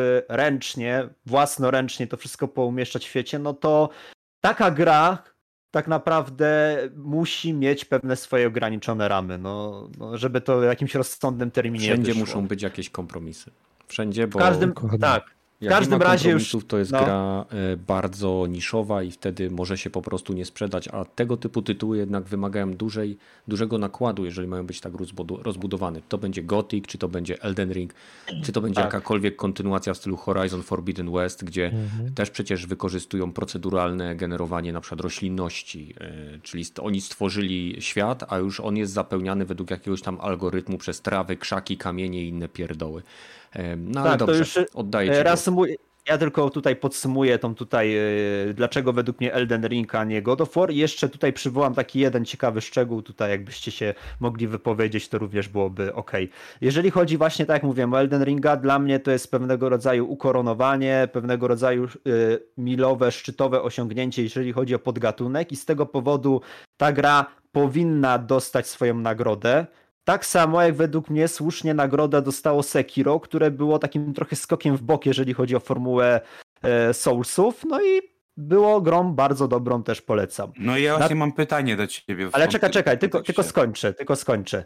Natomiast God of War, tak jak już było wspomniane, bezpieczny sequel, który tak naprawdę oczywiście jest bardzo dobry, jest zauważalnie lepszy tak naprawdę na, pod każdym względem, jeżeli chodzi o poprzedniczkę. Natomiast no, wydaje mi się, że to mimo wszystko jest trochę za mało. A jeżeli chodzi o Horizona, tutaj taki drugi wątek, dla mnie to jest chyba najbardziej poszkodowana gra w całym zestawieniu, bo mm. tak naprawdę ta gra miałaby szansę być dostrzeżona, zauważona. Gdyby Nawet nie pozostałe ponad... dwie. Gdyby nie, nie, było nie, tak, gdyby nie było God of War'a, tak, bo wydaje mi się, że jest pewna grupa osób, dla których na przykład, nie wiem, Soul nie istnieją, nie interesuje ich ten podgatunek, a Rękę bardzo lubią, ja bardzo lubią wysokobudżetowe gry Sony i trochę Sony myślę, że zrobiło źle, że jednak ten Horizon y, ukazał się w tym samym roku co God of War, no bo jednak God of War to chyba na każdym szczeblu mimo znaczy, wszystko powiem... lepsza kontynuacja swojej poprzedniczki niż właśnie Forbidden West y, no to tu się mo mogę nie zgodzić. Sony, dlatego, Sony że... nie robiło, jeszcze tylko, że tak powiem, e, Sony nie zrobiło tej gry, wiadomo, pod e, nominację tutaj, jakby ktoś tak pomyślał, ale e, no niestety zgadza im się e, bilans roczny, musimy się zgadzać, muszą mieć zyski, no i muszą mieć, że wypuścili dwie fantastyczne gry, które się bardzo dobrze sprzedały w tym roku kalendarzowym i na kolejny rok kalendarzowy muszą mieć kolejne tytuły E, tak samo, więc. Tak, tylko to, wydaje to, mi się, A że. to, że tutaj się mhm. zbiegło i że to są gry z, też akcji przygodowe, niestety, no trudno, aczkolwiek Sony w większości ich ekskluzywy to są gry akcji y, z trzeciej osoby i po prostu posiadające fantastyczną fa fabułę, ale no to gry akcji niestety i to trzeba przyznać, że Sony jest bardzo dobre w robieniu tych gier, ale niestety robi tylko takie, mam wrażenie, gry. Jak popatrzę na portfolio. Tak. Jakie było twoje pytanie, dużo... Godryk, dla nas na koniec? E, to znaczy nie, no tutaj właśnie chciałem poruszyć ten wątek, że mhm. według mnie, też właśnie tak zauważyłem taką prawidłowość, tak, tych gier Sony w poprzednich latach często tych takich właśnie dużych gier były dwie, czasami trzy, ale chyba to jest pierwszy przypadek od wielu, wielu lat, że mamy gry, które w, gdyby po prostu je tak postawić obok siebie, czy to Horizon, czy to God of War, no to tak naprawdę te gry są równie dobre. Bywały lata, gdzie na przykład mieliśmy, chociażby w 2018 roku, no był God of War i był obok Spider-Man. Mimo wszystko dla mnie Spider-Man to była trochę produkcja również bardzo dobra, ale mimo wszystko było widać, że to ten God of War to jest nasz pewniak. A tutaj Horizon w sumie wyszedł tak dobrze, że tak y, można powiedzieć y, nie jest aż takie bardzo jednoznaczne do rozstrzygnięcia, który z, tym, z tych tytułów. No ale patrząc na nominacje i ogólny odbiór graczy, no to można powiedzieć, że o Horizonie to już tak troszkę zapomniano. I tylko te nominacje tak naprawdę. Tym bardziej, nam... że on wyszedł na chwilę przed Eldenem, więc też tak jakby Elden trochę go przygniótł, nie? Znaczy nie do końca, bo są ludzie, którzy, tak jak też e, Godryk powiedział, którzy e, nie zagrają e, w tego typu gry jak Eldering, bo to jest soul-like i yy, no, nie, nie bawi ich to, więc będą wybierą inną grę, nie? U mnie na przykład to, to prawda, ale kiedyś zagrał to, Elderinga, ale to też nie jest typ gier, które lubię, tak jak ty nie lubisz horrorów, nie? No. Ale wiesz, to też chodzi jednak o to, że te, tak naprawdę te plebiscyty to tak na dobrą sprawę właśnie jest, ja mam takie wrażenie, że zwłaszcza do Game Awards jest to jednak taki trochę bardziej konkurs popularności, dlatego Dlatego ja mam wrażenie, że w tym przypadku Horizon nie ma szans, e, bo jednak właśnie Elden no 17 milionów. Nie no, my tutaj jakby nie debatujemy, czy Forbidden West dostanie tą nagrodę, bo wydaje nam się i raczej to jest pewne, że jej nie dostanie. Nie, tu bardziej. A zaliczył większy progres niż Ragnarok, przynajmniej moim zdaniem. E, być może, być może, ale dla wielu było, ludzie się czepiali, że animacje Aloy są takie same. E, chciałem tylko jeszcze, zanim przejdziemy jakby dalej, albo może płynnie możemy przejść teraz, e, bo czytałem plotkę, że NCSoft, z którym Sony lata temu podpisało umowę na podstawie, to było jeszcze w czasach chyba PlayStation 3, na podstawie której NCSoft miał tworzyć gry MMO na potrzeby Sony, podobno pracuje nad projektem HZ. I krążą plotki, że ma, ma to być gra MMO oparta o świat Horizon, for, o, ogólnie o świat, w którym żyje Aloy, bo e, Forbidden West to jest przecież kontynuacja, więc ogólnie o świat Horizona, Zero Dawn. E, I jestem ciekaw, e, bo grając w Forbidden Westa odniosłem takie wrażenie, że niektóre miasta, niektóre lokacje są stworzone tak, jakby miały być e, właśnie w grze MMO. Że wchodzimy do miasta, tam mamy, nie wiem, tablice z misjami e, jednego czy dwóch, e, nie wiem, rzemieślników, którzy nam coś produkują i misje w stylu idź, zabij 10 tego, 15 tego, zdobądź mi te, jakieś tam składniki. Czy wy generalnie bylibyście zainteresowani zanurzeniem się w świat gier MMO e, oparty na Horizon Zero Dawn? E, myślę, że tak. Dla mnie to jest w ogóle ciekawe, że Horizon jako marka jest chyba najbardziej eksploatowanym e, tutaj brandem, marką, jeżeli chodzi o te produkcje wewnętrzne Sony. No bo patrzcie, dostaliśmy dwie duże gry. Mhm ta pierwsza gra dostała dodatek, druga prawdopodobnie wszystkie plotki, jakieś tam informacje zakulisowe wskazują, że do Forbidden West też się doczekamy co najmniej jednego dużego dodatku. E, gra planszowa. Ro... Tak, gra planszowa. W przyszłym roku nadejdzie duża gra na VR, Call of the Mountain. E, Netflix robi serial. No właśnie, to, to mnie zastanawia, że z jednej strony tak może się wydawać, że ten Horizon taki trochę gdzieś na uboczu, ale Sony na tych innych polach, jeżeli chodzi o eksploatację marki, stawia chyba najbardziej na niego. I to, i to jest dla mnie też e, dosyć Może dlatego, ciekawe. że on jest najbardziej e, łatwy do, e, że tak powiem, rozpropagowania w świecie popkulturowym, bo God of War jest, wymagałby dużej brutalności, tak? Mhm. Pokazania no, przemocy, co generalnie niekoniecznie może być celem e, jakby dobry, e, przemoc w grach czy w, jakby w serialach musi mieć e, dobre uzasadnienie, bo nie zawsze dobrze się sprzedaje, tak? Można popatrzeć na przykład na, na to, jak, jak seks i przemoc pomogło grze o tron tak? te, te cycki te, te wszystkie brutalne sceny. Ale w przypadku jakby wydawcy w stylu Sony mam wrażenie, że oni raczej by tego nie chcieli. A Horizon Forbidden West jest o tyle prosty z mojego punktu widzenia do adaptacji, e, że nawet jak tam e, główna postać będzie zabijała e, jakiegoś strasznego potwora, to to jest robot. E, aha, aha, nie? Pod tym względem. Że, on nie że ta postać nie zabija zwierząt. Nie, nie, nie, nie jest, wiesz, zaraz jakaś organizacja PITA czy jakieś inne odnośnie, dlaczego, nie wiem, zabijacie te czujki i pobieracie ich elementy, żeby zrobić swoje zbroje. Nie będzie czegoś takiego. Bo od czasu do czasu będzie pokazane, jak ktoś tam je dzika czy jakąś inną rzecz upolowaną nad ogniskiem, ale to nie będzie e, jakby klucz całego serialu. Poza tym, chyba z tego co wiem, serial ma się dziać przed wydarzeniami e, z Horizon Zero Dawn i chyba ma opowiadać o, o, o, albo o początku tego, ma być takim prologiem czy preludium do tych wszystkich wydarzeń, co mi się ogólnie nie za bardzo podoba, ale wiem, że z, drastycznie zmniejszy e, budżet tego serialu, będzie mógł się dziać w normalnych sceneriach, tak? Więc mhm. zobaczymy, znaczy, jak to będzie szło. Znaczy dla, a właśnie, teraz tak sobie się zastanowiłem w międzyczasie i wydaje mi się, że też to, że w Horizonie mimo wszystko te wątki szeroko pojętego science fiction, że one ostatecznie, w ostatnich czasach przeżywają taki swoisty renesans, bo bardzo wiele gier, chociażby no, to był taki też trochę mem na ostatnich różnorakich targach gier, że bardzo dużo gier skręca właśnie w ten nurt y, fantastyki naukowej, mm, że też to może być bardzo takie e, z punktu widzenia marketingowego dobre do spieniężenia. Właśnie ten taki trochę zwrot, y, właśnie tak jak wspomniałem, renesans tego zainteresowania science fiction, jeżeli chodzi o popkulturę. Mm, czyli następny Call of Duty z jetpackami. Wiesz co, no akurat, akurat Call of Duty to już jest temat bardzo rozległy pod wieloma względami. E, no w przypadku Call of Duty to chyba raz mieli taki skok w przyszłość, no i to tak chyba tam za dobrze się to nie skończyło, więc chyba jednak e, bardziej wydaje mi się, że w przypadku Call of Duty tym takim złotym środkiem to może są nie tyle czasy wojenne, co właśnie te czasy tego takiego e, fikcyjnego, mniej lub bardziej konfliktu współczesnego. Więc no, Jasne.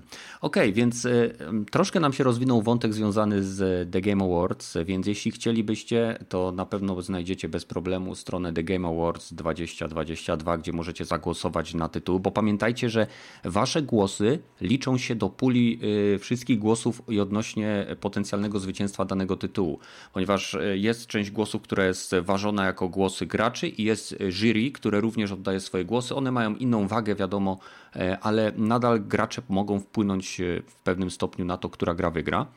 E, co ciekawego, tak jak, aha, e, jeżeli dostaniecie się do nas na Discord, link znajduje się w opisie, to tam w dziale The Game Awards, w momencie kiedy sobie albo klikniecie, najedziecie myszką, jeżeli jesteście na komputerze, lub przytrzymacie bodajże na komórce, to wyświetli Wam się wątek The Game Awards głosujemy. Był stworzony 5 dni temu, w chwili obecnej większość gier E, jest już obgłosowana tutaj przez naszych użytkowników.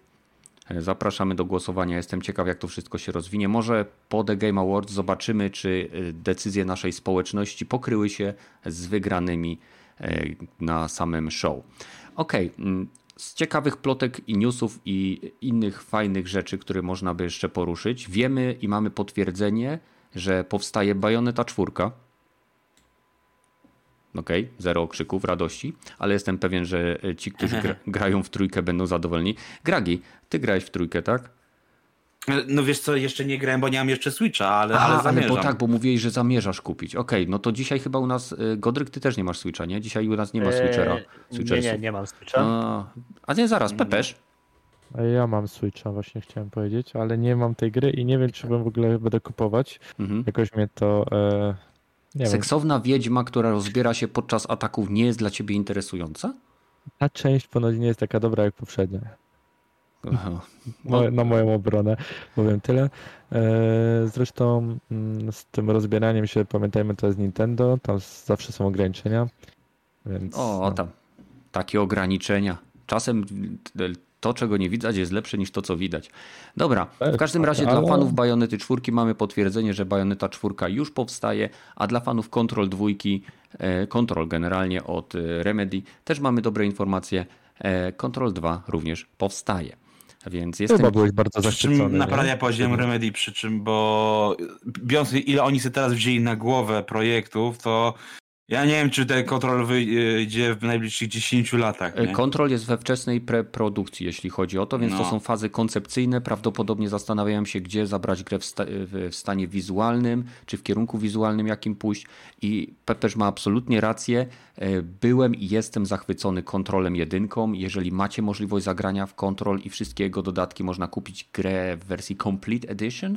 Albo... No, gdzieś już też nawet nie wiem, czy ona nie była dostępna w Game Passie i nie była dostępna w Plusie, Plusie albo nawet w Premiumie. I to chyba Powiem... w Premiumie była w tej kompletnej wersji, mam wrażenie. Nie wiem, czy na Amazonie też jej nie dawali kiedyś. Powiem albo... tak, zdecydowanie łatwiej jest wymienić, gdzie ta gra nie była dostępna w różnego rodzaju rozdawnictwach, promocjach i tak dalej, więc no jeżeli... Ale to nie znaczy, że jest zła gra. To znaczy... Nie, nie, skądże, no bo ona, mówię, była w tylu miejscach, że jeżeli korzystacie z różnego rodzaju tego typu y, okazji, promocji, to spojrzyjcie na chociażby swoje konto Epic, Steam, czy właśnie PlayStation, czy Xbox, bo prawdopodobnie gdzieś tam ją możecie już mieć. I naprawdę zagrajcie. Wiem, że dziwnie na początku gra się zaczyna, ale im jesteście dalej, im głębiej wchodzicie w ten zakręcony świat, jest coraz lepiej. Coraz lepiej, a same dodatki, same walki z bossami, e, wszystko naprawdę jest super. Naprawdę polecam. Okej. Okay, coś ciekawego jeszcze macie? Bo jak coś, jeżeli, jeśli nie, to ja mogę opowiedzieć o e, wrażeniach mojej małżonki z grania w Dark Pictures Anthology The Devil in Me. E, bo gra miała premierę chyba dwa dni temu, chciałbym powiedzieć, ale nie jestem pewien. E, może trzy, coś takiego. W każdym razie bardzo niedawno. E, moja gata jest fanką, więc mogę opowiedzieć o tym, co ona mi opowiedziała, ale dam wam jeszcze szansę, żebyście wskoczyli. Coś ciekawego macie? Nie, zasuwaj. Zasuwam. Znaczy, no? znaczy ja tutaj jeszcze zgodnie z tak zwaną agendą yy, było coś w ogóle o PS5? Nowym, starym, przyszłym, nadchodzącym? Jest jakaś taka strona Leaks2, Leaks.com chyba się nazywa, nie Wikileaks. No, no. I hmm, to jest oczywiście plotka, ale od dłuższego czasu mamy informację o tym, że Sony pracuje nad modelem PlayStation 5, który będzie miał możliwość dokupienia napędu. W sensie na zasadzie modułu, który ma być dopinany do konsoli bez zaburzenia jej wizualnego kształtu, więc nie wiem jak to ma działać. Być może hmm Cholera wie. W każdym razie w jaki sposób ma to być robione i e, ma to być mniejsza, tańsza, tańsza wersja konsoli z wszystkimi parametrami oryginału. I sam napęd ma być e, możliwy do dokupienia jako osobny moduł. I rzekomo ta konsola miałaby mieć premierę w przyszłym roku, co nie wydaje mi się szczególnie dziwne, Zwłaszcza, że to pozwoliłoby Sony na zwiększenie teoretycznie produkcji, bo pewnie będą tam plotki były, że przechodzą na ten e, nowy proces 5 e, nanometrów bodajże jakiś. Więc e, mniejsze zużycie energii, mniejsze generowanie temperatury, przez to mniejszy radiator, tańszy radiator i to wszystko można by gdzieś tam ukrócić. Być może zmniejszyliby cenę o te 50 dolarów, o które ją podnieśli. Wrócilibyśmy no. do punktu wyjścia, tak? Znaczy, dla mnie ogólnie to, że PlayStation 5 w jakiejś tam formie Slim powstanie, no to jest więcej niż pewne, bo tak jak tutaj wspomniałeś, to, to nawet dążenie do zredukowania kosztów produkcji, no to siłą rzeczy właśnie e, to jest ten główny motor napędowy do powstania modelu Slim. Jeżeli miałoby to funkcjonować w takim sensie, że mielibyśmy, no bo właśnie, Teraz mamy niby PlayStation 5, ale obok PlayStation 5, które się nazywa po prostu PlayStation 5, mamy PlayStation 5 Digital Edition. Digital, tak. tak, y, te dwie konsole, znaczy inaczej, te dwie wersje jednej konsoli różni obecność albo nie brak napędu, napędu tak. albo brak napędu, tak. I tak naprawdę do tego to się sprowadza. Gdyby Sony udało się zrobić, tutaj zgodnie z tymi plotkami, jedną wersję, którą nazwaliby po prostu PlayStation 5 Slim, którą można byłoby sobie kupić albo od razu właśnie z tym odczepianym napędem w pakiecie, albo bez tego napędu, czyli w sumie byłaby ona tańsza.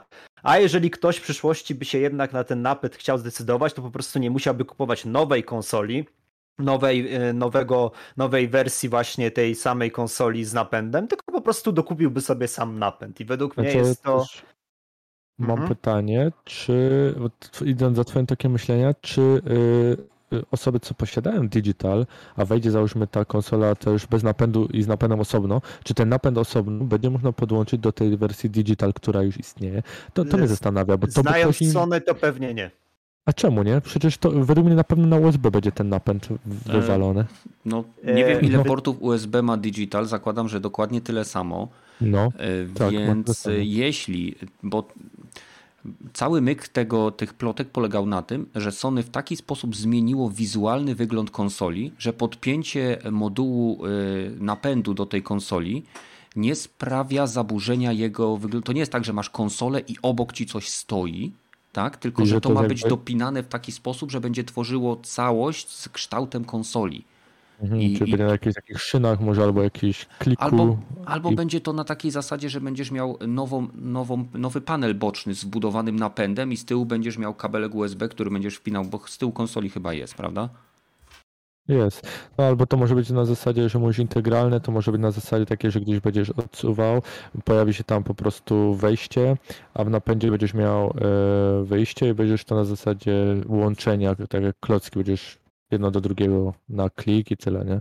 No dlatego właśnie, połączone. No. Dlatego mi się wydaje, że z powodu właśnie tej takiej chęci zachowania tej integralności i no też już to zostało tam wspomniane w tych wszystkich doniesieniach, że postawią na nową bryłę. Nie wydaje mi się, żeby po prostu też umożliwili jakby taką wsteczną kompatybilność tego napędu. No ale słuchaj, żeby... z drugiej strony też by mieli, byłaby możliwość, że raczej część klientów możliwe by mogła kup, dokupić sobie ten napęd, bo może takie doniesienia ich doszły, jeżeli chcą stworzyć konsolę, która ma może będzie rozbier roz, rozbieralny tak, e, napęd, to znaczy, że musie, musieli mieć doniesienia, że ludzie, którzy mają digital, chcieliby kurczę dokupić sobie ten napęd, a nie ma takiej opcji. No i wiesz, no co, po, powiedzą im, możecie teraz sobie kupić też digital i osobny napęd, ale e, musicie kupić tym samym nową wersję konsoli, a starą musicie sobie sprzedać, czy ale co mają, przepraszam, ale co w takim razie mają powiedzieć właściciele Xbox Series S, jak chcą mieć napęd? Muszą sobie kupić nową konsolę. Ale to jest Microsoft. To nie mówimy o, o, o zielonych, nie? No, tutaj, tutaj skupiamy się na PlayStation 5. Tak jest. Skupiamy się na, na tej e, marce, firmie, którą kochamy i która kocha graczy, tak mówią przynajmniej. Tak, no, no ja na przykład tutaj mogę powiedzieć, że jeżeli takie plotki by się potwierdziły, no to taką PS5 bym już z chęcią u siebie zobaczył, no bo biorąc pod uwagę te ostateczne poczynania Sony, to zdecydowanie bliżej mi choćby do wymiany mojej karty graficznej wysłużonej w komputerze niż zakupie PlayStation 5 za te tutaj niebotyczne sumy, które żąda no, Sony, więc no... Widziałeś niebotyczne sumy, jak MSI powiedziało za nowe karty, y, tą wersję 3080 w tych trzech wersjach. W sensie tam... 4080, tak? E, sorry, 4080 tak jest? E, ja, ja, powiem, ja powiem ogólnie, że. Tak, tak. Ja powiem ogólnie, że jestem raczej z tego grona graczy PC-owych, że nie dążę za wszelką cenę do tego high-endu, a biorąc pod uwagę też ostatnie poczynania Nvidia, która no mimo wszystko dalej wyznacza te główne trendy. AMD oczywiście podąża, ale no jednak Nvidia to Nvidia. No to tak naprawdę ten taki high-end typowy to już się stał tak naprawdę tylko dla entuzjastów y, taką drogą zabawką ze względu właśnie na te zaporowe ceny i też na dostępność przede wszystkim tych układów, więc no, ale mówię, no jakbym miał właśnie w tym momencie za te blisko 2,5 tysiąca kupić w spokoju to PlayStation 5, to pewnie bym je nabył, no ale z różnych powodów mimo wszystko wolę jednak poczekać choćby na tą właśnie wersję Slim. Mhm. Albo na wersję Pro. Albo na wersję Pro. Właśnie, to też y, tutaj akurat te plotki nie mówiły nic o wersji Pro, tylko właśnie tak. o tej tutaj z tym napędem. no, wersja no. Pro, popatrz, że zawsze była wersja Slim, a wersja Pro była dopiero z 2-3 lata później, więc wersję Pro myślę, że dostaniemy, ale... Przede wszystkim trzeba powiedzieć, lat. że wersja Pro to był jednorazowy przypadek w historii ogólnie Na razie, konsol. No, ale to nie znaczy, że nie stanie się regułą. To jest zawsze szansa na, na sprzedanie dodatkowego produktu ludziom, którzy już kupili twój produkt, więc to, jest, to był początek nowego trendu. Ale wiecie, co jest mhm. najlepsze? Najlepsze jest to, że konsole poprzedniej generacji PlayStation 4 Xbox One, one, tak jak już to powszechnie wiadomo, w momencie swojej premiery były po prostu za słabe. I te wersje Pro, Xbox One X, one tak naprawdę w pewien sposób mogły jeszcze nawet i o te parę lat przedłużyć e, żywot, zanim tutaj nadeszła w 2020 roku obecna generacja. No z perspektywy czasu można też powiedzieć, że w sumie to ona nadeszła trochę za wcześnie, no bo co, no dwa lata minęły, dalej są problemy, gry dalej wychodzą międzygeneracyjne, więc tak naprawdę jakby to PlayStation 5 i Xbox Series XS wyszły, nie wiem, w zeszłym roku, czy nawet w tym roku, to większej różnicy byśmy chyba nawet nie odczuli za bardzo. Ale gry międzygeneracyjne wychodziły na, na między PlayStation 3, PlayStation 4, tak samo Xboxami, więc to tego nie unikniesz. Tak, nie będzie tak, że wyjdzie nowa generacja i nagle będzie odcięcie. Tak, Owszem, niektórzy by chcieli, ale z drugiej strony popatrz, że masa ludzi, masa e, klientów, że tak powiem, z perspektywy Sony, będą poszkodowani, bo będą musieli siłą, byliby zmuszeni przez korporacje do, do zmiany sprzętu. Nie w momencie, kiedy o, klient chce, tylko kiedy korporacja chce. A, A Microsoft to... już próbował to zrobić z Xbox tak. One X-em i się nie udało. Się udławił. Znaczy Xbox One X to w ogóle dla mnie to będzie zawsze konsola z niewykorzystanym potencjałem całkowicie, bo ta konsola naprawdę potrafiłaby jeszcze bardzo dużo zrobić, a dzisiaj to się tak trochę traktuje po macoszemu, że a, to ten odpowiednik PS4 Pro, no to tam wiadomo, tam dajmy tą większą rozdzielczość i tyle właściwie, ale e, tutaj tak, też chciałbym się odnieść do tego, że Masz rację, Pepesz. Te gry jeszcze było to pewne okienko roczne czy dwuletnie nawet, gdzie już po nadejściu nowej generacji te gry chociażby jeszcze na te e, PS3 wychodziły. Ale to głównie były wtedy gry jakieś właśnie sportowe, jakieś Call of Duty i tak dalej. Te wszystkie mm, duże no gry. Tak, ale jednak e, nie no, były jeszcze. E, Metal Gear Solid 5 był na przykład tak. generacyjny. Były, Mnie się po prostu wydaje, że dopiero w tym przyszłym naszym roku, 2023, to już zaczną wychodzić te gry w większości przypadków na current geny. No ale z tak. drugiej strony mamy taki remake Residenta 4, no i na PS4 też będzie. Hmm. Ale popatrz, że e, my też patrzymy cały czas z, z, z, perspektywy rynku europejskiego albo rynku nawet zachodniego, e, bo popatrz na e, rynek azjatycki, tam nadal na PS3 są gry wydawane, nadal jest to sprzedawane i tam nadal ludzie na to grają, na tym grają i to też tam jest inny typ rynku, a tutaj jednak, że tak powiem, rynek e, zachodni e, cały czas goni do przodu i chcemy mhm. tylko więcej, więcej, a no też e, trochę, tak jak mówiłeś, jest niewykorzystany potencjał tych niektórych konsol i jeszcze można byłoby sporo na gier na to powypuszczać, ale też tu winna jest PC-ta, E, bo PC-ciarze, ja też jestem PC-ciarzem między innymi, e, mamy mocniejsze sprzęty, fajniejsze gry, ładniejsze te gry e, są. Przepraszam, fajniejsze gry to jest Dobrze, bardzo dyskusyjny gry. temat. Nie, nie trzeba, trzeba zaznaczyć ładniejsze. fajniejsze od momentu, jak Sony zaczęło udostępniać swoje produkcje ekskluzywne na platformie PC. Nie, nie. Gry na PC potrafią wyglądać y, tak, że oczy zaczynają po prostu się świecić z radości i tu się zgodzę ale y, i różnorodność gier na PC jest y, przyćmiewa wszystkie konsole, jakie wyszły w obecnej czy w poprzedniej generacji. Ale jeśli chodzi o y, właśnie to doświadczenie AAA, to nieszczególnie często na PC pojawiają się takie gry jak Plague Tale czy właśnie God of War, ponieważ rynek PC-owy bardzo mocno idzie w kierunku gier multiplayerowych lub e, gierek e, hmm. typu roguelike lub gierek wydaje, tego... Nie, nie, to nie jest wina. Wina jest taka, że na PC częściej się gra klawiatura, myszka, a jednak God of War i tego typu gry wszystkie, one naprawdę no nie wyobrażam sobie, jakbyś miał w God of War grać na przykład na myszce i klawiaturze. Nie, ja rozumiem. To była tylko taka dygresja na zasadzie sprostowania myślę, tego, co powiedziałeś. Może tak. to, to, tylko mój punkt widzenia, także kontynuuj. Mhm. No myślę, że akurat to chodzi też o to, że na PC tego typu gry, właśnie e, gry powiedzmy akcji tam z trzeciej osoby, e, nie są za bardzo tak robione, bo chodzi też o punkt sterowania, owszem, można powiedzieć, no pada sobie możesz kupić i tak dalej. Jest Hey, Division ale... jest z trzeciej osoby grom akcji, jest na PC, jest super.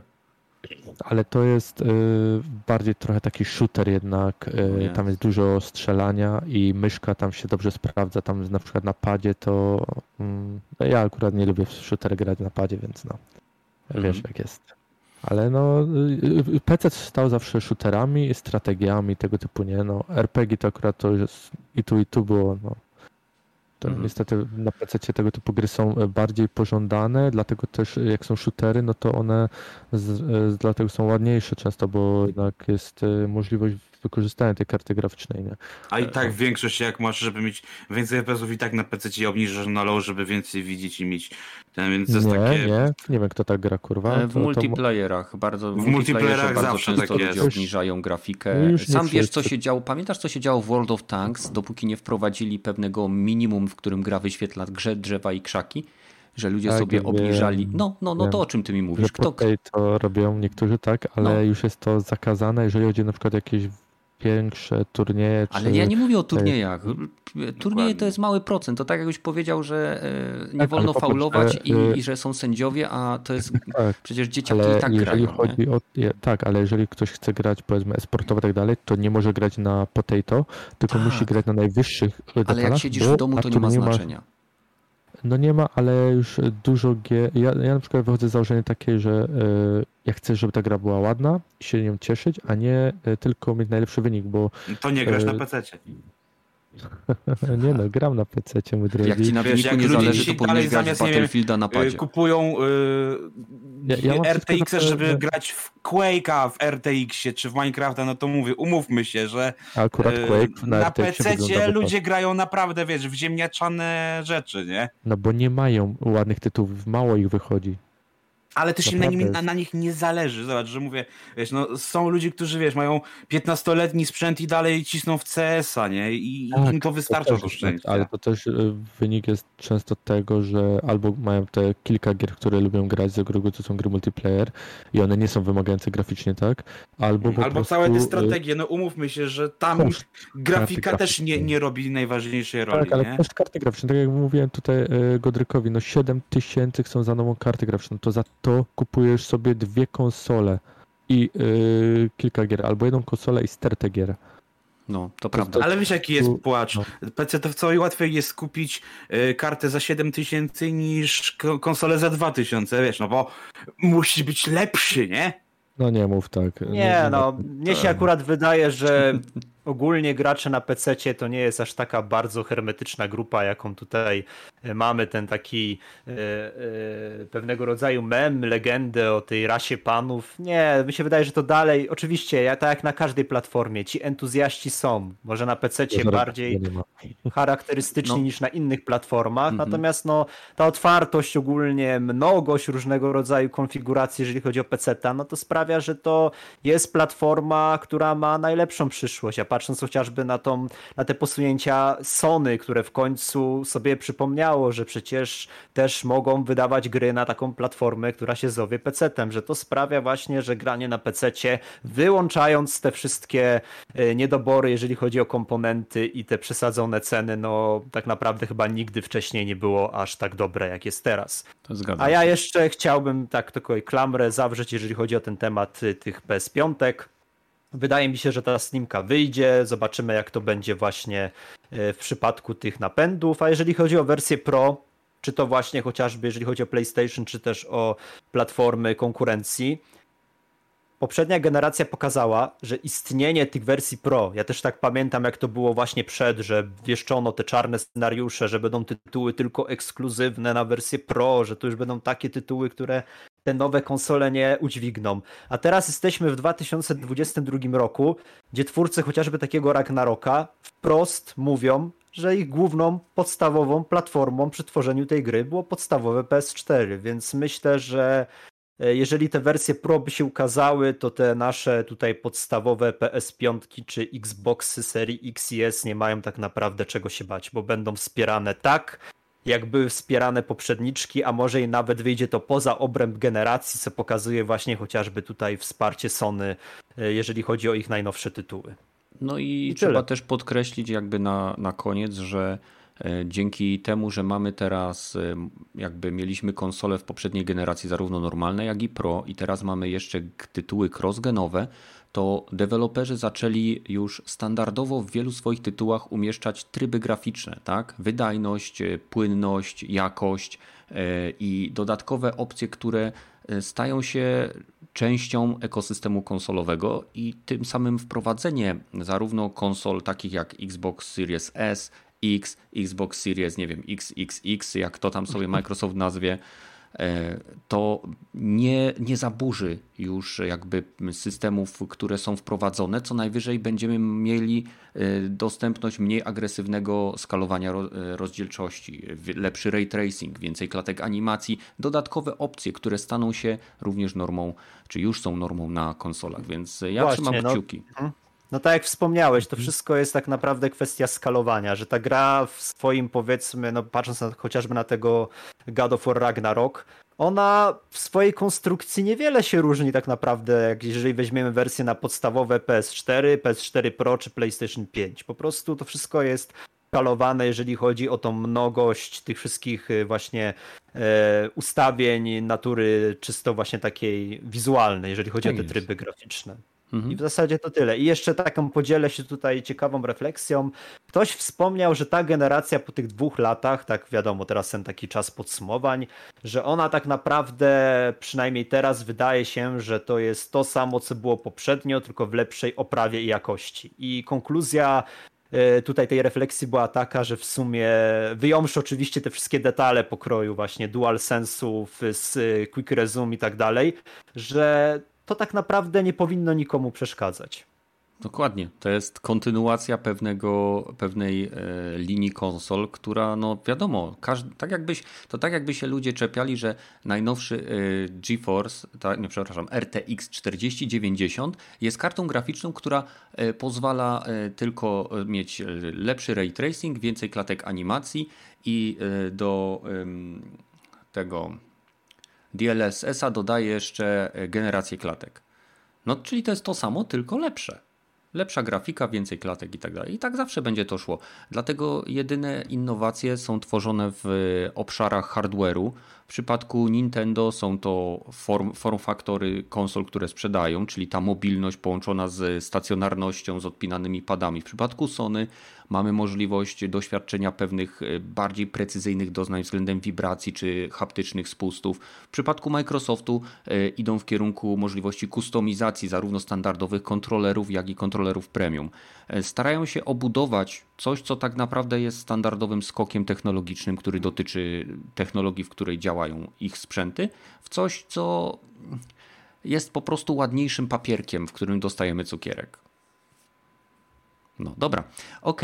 A jeśli chodzi o ładniejsze papierki i cukierki, e, kupiłem mojej Agacie Dark Pictures Anthology, The Devil in Me, e, więc pobrała sobie gra na PlayStation 5. Ja też pobrałem tutaj na PlayStation 4 Pro. Być może będziemy sobie grali razem, bo tam jest taka opcja w każdej z tych części, nawet między generacjami. Tylko uważajcie, bo The Quarry E, który też jest wydany przez Massive e, czy Supermassive Games, już nie ma opcji crossgenowości, więc e, to nie jest też seria Dark Pictures The Quarry, ale mm, ostrzegam, bo ktoś może pomyśleć, o to ja sobie kupię Quarry, bo wydaje się lepsze. Nie. Więc Dark Pictures Anthology to jest chyba piąta część z pierwszego sezonu. Na szczęście już zapowiedzieli drugi sezon Dark Pictures Anthology, więc mimo, że E, wydaje mi się, że ta seria nie, spo, nie, nie, ma jakiejś mega sprzedaży, to ma na tyle wysoką sprzedaż lub na tyle wysokie wsparcie Sony, że będziemy mieli drugi sezon. Za to bardzo się cieszę.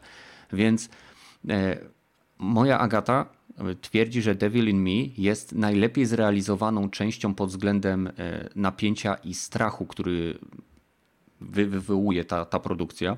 Jest oparta o historię e, nie, nie weryfikowałem, ale rzekomo prawdziwego seryjnego mordercy.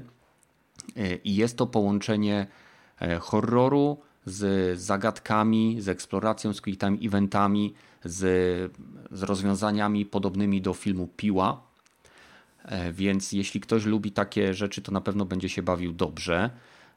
I na chwilę obecną jest zadowolona, pomijając ilość błędów, która już jej się pojawiła bo niekiedy zdarzyło jej się już w pierwszych godzinach gry, że postać tam nie, nie potrafiła przejść do następnego etapu dialogu, albo że fotograf, który rzekomo ma robić zdjęcia, wykonywał wszelkie animacje związane z robieniem zdjęć, bo tam jest postać, pięć postaci jest, którymi się steruje i jedną z nich jest fotograf. I ten fotograf miał scenkę przerywnikową, w której robił zdjęcia i okazało się, że nie wczytał się model aparatu, więc facet po prostu robił różne ruchy, E, bez posiadania odpowiedniego rekwizytu w dłoniach, co było troszeczkę zabawne. Jako, że moja Agata jest też fotografem, e, to e, od razu podejrzewa, że mordercą jest fotograf, więc Na chwilę obecną bawię się dobrze. Zobaczymy, jak to będzie, czy uda nam się zagrać razem. Dzisiaj być może. E, I w przyszłym tygodniu na pewno będę w stanie o wiele więcej powiedzieć o tym tytule. Jeżeli ktoś lubi thrillery, horrory i, i, i, gry, które od czasu do czasu wywołują jumpscary, to seria Dark Pictures Anthology na pewno jest dobrym wyborem, bo to są krótkie, kilkugodzinne, chyba 6, od między 4 a 6 godzin można skończyć każdy tytuł. One nie są też drogie, bo kosztują chyba po 160 zł sztuka, a na promkach można kupić je chyba nawet w zestawach po kilka epizodów, więc zbliża się Black Friday, więc myślę, że poprzednie części będzie można e, bez problemu, że tak powiem, ograć. A fajne jest właśnie to, że można sobie zagrać e, z drugą osobą, nawet o ile dobrze pamiętam, jeśli ona nie ma gry, bo wtedy ona sobie ściąga specjalną wersję tego tytułu, taką wersję demo i można wspólnie przejść e, grając e, po prostu ze sobą, więc zobaczymy jak to będzie wyglądało. W ogóle taka ciekawostka, jeżeli chodzi o przynajmniej ten pierwszy sezon i wydania pudełkowe tej gry, no bo pierwsza część, Man of Medan, wyszła mhm. oczywiście w pudełku. No, tak. było parę ładnych lat temu. Później wyszła kolejna część, czyli Little Hope. Mhm. I ona też również wyszła w pudełku, ale jak już były te dwie części na rynku, no to zrobili taki dwupak, że mieliśmy i właśnie tą jedynkę i tą dwójkę. Później wyszła część trzecia, House of Ashes. No i ona też wyszła oddzielnie, ale później zrobili jeszcze par, że mieliśmy właśnie Man of Medan, czyli tą pierwszą, Little Hope, czyli drugą, no i House of Ashes, czyli trzecią. Teraz wyszła najnowsza, czyli Devil in Me. No i mieliśmy znowu taki przypadek, że też jest dostępna osobno. Zrobili też dwupak, gdzie mamy poprzednią, co ciekawe, czyli House of Ashes, i The Devil in Me. Wydaje mi się, że w niedługim czasie po prostu dostaniemy już taką typową. Complete. Season one. Tak, taką kwadrologię, nie? Czyli cztery części po prostu w jednym tym. No, ale tak jak wspomniałeś, one te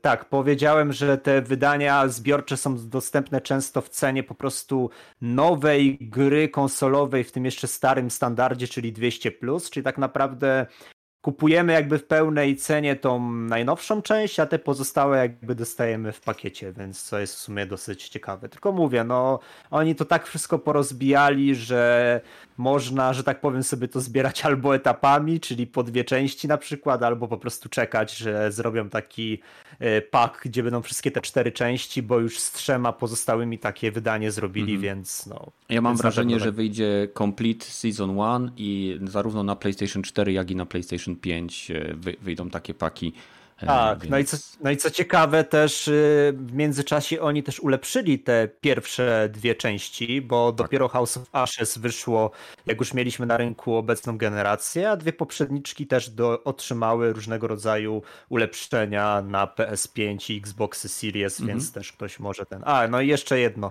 Wspomniałeś o tym teaserze tego drugiego sezonu. Tak. Ja już, ja już o tym wspomniałem, ale wydaje mi się, że branża gier naprawdę ta, ta fantastyka naukowa, szeroko pojęty science fiction przeżywa swego rodzaju renesans, bo chyba w tym drugim sezonie wszystko na to wskazuje, dostaniemy jakąś tutaj właśnie opowieść, chyba to był jakiś kosmos, jakaś Tak, to stacja, było chyba na orbicie Jowisza. No właśnie, no i znowu, a właśnie, Kalisto, no, Kalisto, no. Księżyc. Tak. Jeden z księżyc. Wiesz co, mam, mam, mam nadzieję, że ta druga seria również pójdzie im dobrze, bo ja lubię tego typu tytuły. Nie ma.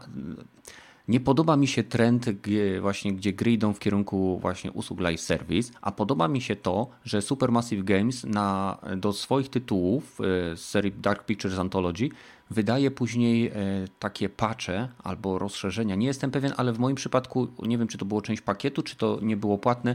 Nazywa się to opcja Director's Cut Edition i to jest e, jakby dodatkowy tryb gry, który sprawia, że sama gra jest trudniejsza i daje dodatkowe wybory i inne ujęcia kamer oraz inne jakby punkty widzenia dla postaci, które tam występują. Więc e, do tej pory chyba nie pamiętam, ale chyba we wszystkich tytułach było dodana opcja Director's Cut, bo tam e, jakby główną osią tych wszystkich historii jest kurator, który zawsze wita gracza i opowiada mu kolejne historie i tak dalej, i tak dalej.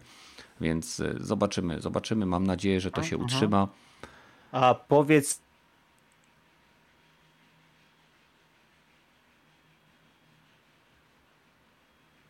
takie właśnie, bo tutaj chciałem cię Kenneth zapytać mhm. bezpośrednio, mm. czy jesteś w stanie to potwierdzić, bo tutaj znowu zauważyłem taką prawidłowość, że jak ten najnowszy sezon prawdopodobnie będzie bardziej skupiony właśnie jakiś tam odległy kosmos, stacje i tak dalej, no to ta, ten pierwszy sezon to był taki horror, ale z takim zacięciem historycznym. To znaczy, mieliśmy opuszczony statek, opuszczone miasteczko, jakieś mhm. pradawne ruiny. W tej najnowszej części chyba jest jakieś też jakieś domostwo czy coś w tym stylu, że tak, tutaj hotel. Posta- tak, postawili po prostu na taki horror w takim ujęciu historycznym, że trafiamy w jakieś stare, zapomniane miejsce i tam się rzeczy dzieją. A chyba w tym najnowszym sezonie postawią po prostu na ten taki niepokój i strach wywołany tym, że jesteśmy w miejscu takim no, typowo niedostępnym. Tak, tak moglibyśmy to powiedzieć. Wiesz co, mi się wydaje, że pierwsza antologia w każdej części opierała jakby się na znanej takiej e, na znanej konwencji horroru. Więc mhm. mieliśmy na początku y, coś, co wydawało się duchami. Nie będę opowiadał, jakby ktoś zagrał, tak? Jasne, w drugiej jasne. części e, mieliśmy Little Hope, to było to chyba z Wiedźmami. No coś jak Salem, nie? No coś jak Salem, dokładnie. I jakby każda z tych części opierała się na innej konwencji. I to mi się podoba, bo teraz jakby przechodzą do e, horrorów science fiction, czyli prawdopodobnie coś w stylu obcego. E, mam nadzieję, że później sięgną głębiej, czyli na przykład cosmic horror, czyli coś z e, granic Cthulhu, czy mitologii Cthulhu. Więc myślę, że tak długo jak będą mieli możliwość pójścia w kierunku jakiegoś znanego nam jakby gatunku czy podgatunku horrorów lub, lub thrillerów, to mamy szansę, żeby ta seria powstawała. I myślę, że oni idą właśnie bardziej takimi jakby obszarami e, kinematografii, e, które obejmują dane, bo to, co widzieliśmy w pierwszym sezonie, to były takie klasyczne horrory, slashery, e, filmy grozy, filmy takie właśnie z nadprzyrodzonymi rzeczami lub filmy, które bawią się psychologią gracza, tak? Czy on jest zły, czy ja to się dzieje naprawdę, czy to, co widzę, jest prawdziwe i tak dalej, i tak dalej. A w, dalej będą szli w kierunku straszenia graczy tym, co jest nieznane i niewidoczne, czyli kosmos. Przynajmniej ja to tak widzę. Mhm. No w każdym razie, jeżeli ktoś jest y, fanem produkcji horrorowych, no to w przyszły rok też będzie bardzo bogaty, więc no tylko, tylko śledzić te wszystkie doniesienia. Kupujecie Kalisto? Ja to czekam raczej na pierwsze oceny, zobaczyć, bo wiesz, tak trochę w ciemno to, to kupowanie moim zdaniem jest bez sensu, nie? Mhm, rozsądnie. A wy, Godryk, Pepesz? No, ja tak jak już wspomniałem, e, rozglądam się obecnie za kartą, więc jeżeli udałoby mi się coś kupić i to ze stajni czerwonych, to oni mają taką promocję, że dodają bodajże Kalisto Protocol A. i Dead Island dwójkę w gratisie, więc jakbym kupił kartę, to już bym nie miał żadnej wymówki, żeby zagrać. A celujesz w te nowe Radeony z Rdena trójką? E, wiesz co, hmm, trudno mi powiedzieć, no jednak one też są w pewien sposób y, wyceniane zauważalnie drożej niż poprzedniczki, więc myślę, nawet jakby się udało coś z RDNA dwójki upolować w miarę rozsądnej cenie, to myślę, że też byłbym zadowolony. No tak, tak. Tak, ale właśnie ten. Okej, okay. tak. E, to mam jeszcze pytanie. Mam jeszcze pytanie do Pepesza, zanim e, jakby skończymy ten, tą część i przejdziemy do może zakończeniowej. E, jakie gry jeszcze planujesz sobie kupić na PlayStation 5 w najbliższym czasie? Halo? A, Pepeż no chyba przysnął. Pepeż chyba zasnął. Hmm. Ciężka sprawa. Właśnie też byłem ciekaw, czy od razu sobie wykupił, e, wiesz, to PlayStation Plus, w sensie jakąś no. ekstra, premium, znaczy, basic. Jak, jak nie wykupił, no to teraz ma w sumie dobrą okazję, bo wszystkie te PlayStation Plusy są o jedną czwartą przecenione obecnie. Mhm. No i, i naprawdę teraz na przykład jak ktoś chce sprawdzić ten premium, no to ma naprawdę dobrą okazję, nie? Tam 300 chyba 30 zł za e, ten premium. Ja bym, jeżeli... Znaczy, chyba równe 300 wychodzi no, za ekstra, a premium chyba coś tam 350. 300... Aż nie... Znaczy mówię, chyba 330, ale... Aha, ten... jasne. No, w każdym razie, no... Mniej jedną... więcej powiedzmy tyle, ile za, wiesz, za nowy Call of Duty, nie? Na, na Playaka i na PC-ta. Więc wiesz, mniej więcej w tym przedziale. Chociaż z drugiej strony to też się pojawiały takie różnego rodzaju dyskusje, podsumowania, że pomimo zapowiedzi Sony, no już tak naprawdę praktycznie pół roku minęło od wprowadzenia tych nowych progów, że to premium to bidnie jest trochę rozwijane. Nie ma tych wszystkich klasyków, które obiecywali. Troszkę tak, trochę to tak jakby zaniedbują. Lepiej się rozwija e, ekstra, to, to, to trzeba przyznać, ale w tym miesiącu trochę premium dostało fajnych rzeczy. No chociaż chyba, jasne, yy... klasyków z Playaka jedynki dalej nowych nie ma, więc tak, jest pewien niedosyt. Jak już wspierali, to właśnie te klasyki z trójki, Sly Collection, czy teraz Ratchety właśnie. No właśnie, dlatego mówię, wiesz, dla mnie okej, okay, Ratchety super, nie? Kingdom Hearts całe praktycznie super, ale tak, jeżeli patrzymy właśnie pod kątem tej obietnicy klasyków z PlayStation 1, z PSP, z PlayStation 2, to faktycznie nadal jest bieda. I to taka straszna bieda. Już, nie? już nie mówiąc o tym legendarnym PSP, PSP, gdzie tam chyba z dwa tytuły są na krzyż. No, i to też Ale takie, jeszcze, że tak. może dwie osoby o niej usłyszały na świecie, nie? E, jeszcze właśnie jedno pytanie do ciebie właśnie, Gragi, jak już tutaj no. zacząłeś. E, a co sądzisz o Extra? Bo Extra w pewnym sensie było promowane tym, i nawet przed wprowadzeniem Extra było parę takich miesięcy w zwykłym plusie, już nie tym jeszcze Essential, tylko po prostu w zwykłym plusie, gdzie dostawaliśmy gry premierowo, na przykład Oddworld chyba był premierowo i tak. tam jeszcze parę innych gier. E, tak naprawdę właśnie w Extra, mm, czy obiecali to tak e, bezpośrednio, czy bardziej pośrednio, że była taka zapowiedź, że też będą e, super gry dostępne właśnie w tym Extra. No, no i tak właśnie... naprawdę jedyną grą, która dos, została dodana do katalogu ekstra, gdzie tak naprawdę można było kupić ten ekstra, czy nawet wziąć ten siedmiodniowy trial, bo wtedy też go wprowadzili przy okazji, to był tak naprawdę Stray.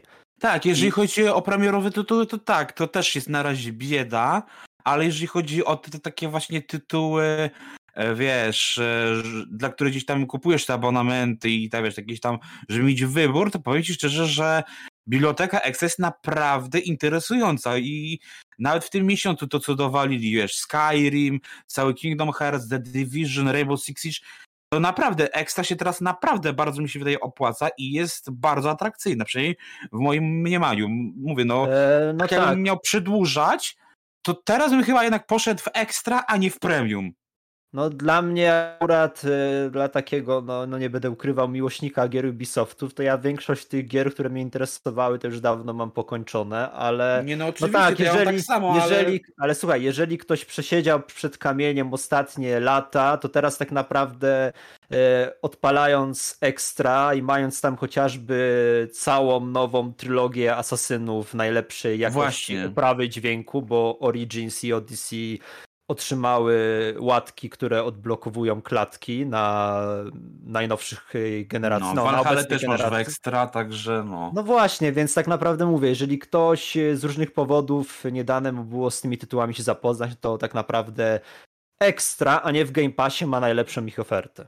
Tak, dlatego mówię właśnie, dlatego to jest tak, na pewno to jest właśnie oferta dla graczy, którzy nie grają tak jak my we wszystko na bieżąco jak leci, tylko mają jakieś tam braki albo tak jak mówisz, właśnie żyli pod kamieniem, nie? Tak, tylko z drugiej strony, jak popatrzymy właśnie o tą taką ofertę tych gier premierowych, które lądują, no to jednak Game Pass, no nie, to wtedy tak. zauważalnie. Chociaż bo też pomijając... nie na przykład Kalisto nie, nie, będzie w Game Passie, więc widzisz. A tak, ale nie, nie, bo chodzi mi po prostu o to, że już pomijając nawet ten, no tutaj trzeba to powiedzieć głośno i dobitnie, bardzo mizerny rok w wykonaniu Xboxa, no to chcąc nie chcąc, trzy ich produkcje od wewnętrznych studiów e, dostarczyli. Najpierw to było, e, to jeszcze było w tym okresie takim letnim, przedwakacyjnym, to e, była ich ta najnowsza gra filmowa. Jaka? No. No, no jaka? No ja nie wiem. Już, już, już nie pamiętamy, tak? Mm, nie, bo jedyne, wiesz, no właśnie takich per se Xbox w tym roku nie wydał nic. Więc, a wiesz, a no okej, okay, z, z, tych bardziej takich strój tam mniejszy, no to okej, okay, było As Ducks Falls i to było, pamiętam, No właśnie, bardzo... no tak, no tak, no to właśnie o tej, o te, tą grę miałem na myśli mm. i co by nie mówić, no to jednak jest gra sygnowana Xbox Game Studios. Później mm. mieliśmy Grounded, no i teraz Pentiment. No wiadomo, to nie są gry kalibru takiego jak Sony, ale... Albo chociaż Forza Horizon 5, to nie jest ten, ten kaliber taki, wiesz, że to nie jest system seller. Znaczy Forza akurat była, piątka była w zeszłym roku, ale Tak, no, ale wiesz o chodzi, że, że to nie jest kaliber Forzy w tym sensie, nie? A no tak, tak, jasne, nie. Ale Xbox wydaje no. też dużo robi na PC według mnie. Owszem, może na konsolę nie wydają tak dalej te gier, ale jednak na PC, e, bo jakby nie było usługa ta, to jest Xbox dalej, to jest, to jest integralna część. E, tutaj robią robotę, nie? Tak, i to jest też właśnie świetne, że. I to jest dziwne, że e, nagle PC jest ważniejszy trochę od ich konsoli, nie? Znaczy wiesz, wydaje mi się, że to też, jeżeli chodzi też o specyfikę gier, no bo oni jakiś czas temu też oficjalnie jakby tego PC-owego Game Passa ochrzcili go mianem właśnie PC Game Pass i tak naprawdę od tego momentu zaczęły się pojawiać gry, które siłą rzeczy do konsolowego by nie weszły, no bo dostaliśmy całe morze różnorodnych strategii, Total e, War, Warhammer trójka, mm, ostatnio było też e, Free Kingdoms, e, no głośny przypadek, dostaliśmy Death Stranding na konsoli tak naprawdę no tego tytułu z wiadomych przyczyn dostać byśmy Albo teraz na premierę dosłownie świeżutkie nowy Warhammer Dark Tide, który na konsolach ma się pojawić później, nie wiadomo kiedy, a na PC już jest teraz i jest od razu już w Game Passie na dzień dobry. Właśnie, więc... Tylko, że oczywiście mhm. będzie w tej oficjalnej premierze, bo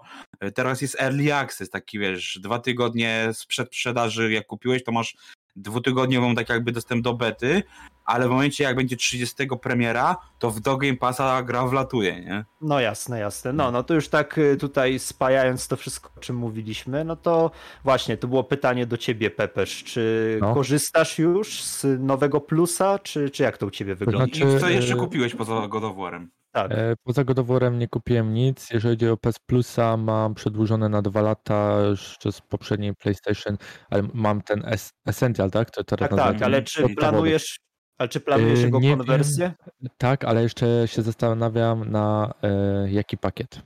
Aha, czy ekstra, ten czy najwyższy, premium? po prostu ten premium jest no, bardzo drogi. I Teraz tam... masz obniżkę, bo wszystkie Tak, ja wiem, wszystko jest obniżka, ale słuchaj, i to święta. Ja mam, wiesz ile, ja jestem jak święty Mikołaj, wiesz ile dzieci muszę obdarować w rodzinie? No to zobacz, że... kupujesz im Mam nadzieję, że tylko swoje.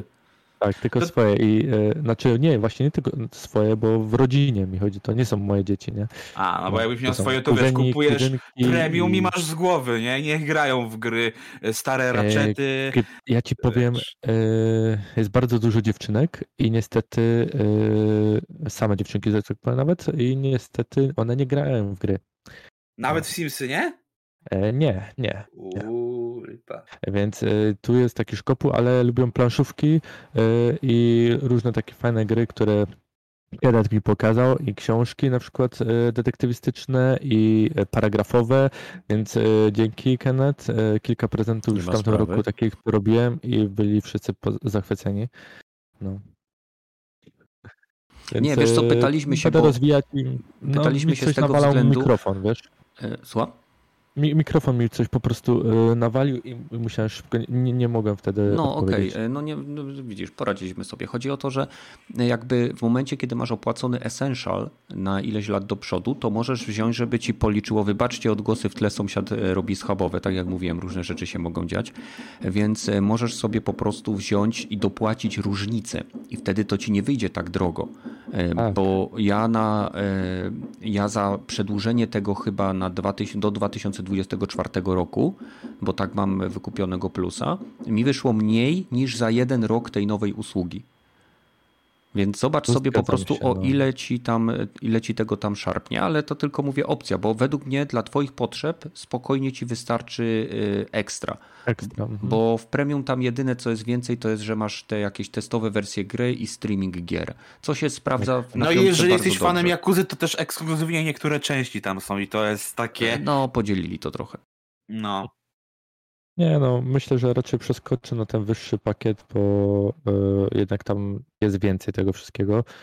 Y, ale najwyższy to też trochę próg cenowy. No i wiadomo jak to jest później. Wskoczysz na najwyższy, minie ci ten czas, zapomnisz sobie, bo tam kartę masz cały czas podłączoną i ci nagle E, ściągnie, nie? No A to pamiętaj, żeby mieć włączone automatyczne odnawianie. Można, ja tak zawsze można. co roku automatycznie sam sobie, wiesz, a nie, że mi automat yy, Gragi sam automatycznie sobie odnawia, nie pozwala, żeby automat automatycznie mu odnawia. Dokładnie. Czego nie rozumiesz? No. No, no, ja wolę mieć chciałem, kontrolę. Jak, jak już mówiliście, to chciałem tylko wspomnieć, yy, że na Epic Games za darmo yy, jest Evil Dead. I właśnie Więc to jest w ogóle ciekawy przypadek, bo ta gra game, dopiero chyba nawet nie ma roku jeszcze. Tak jest, ona niedawno wyszła i e, no, wygląda fajnie. Fajnie się na pewno w to będzie grało, tylko że jak zwykle trzeba mieć ekipę, żeby się dobrze grało w grę. No to, no. to jak wszystkie w koopy, nie? Tak, tak. Jak masz ekipę, to we wszystko się dobrze gra, nie?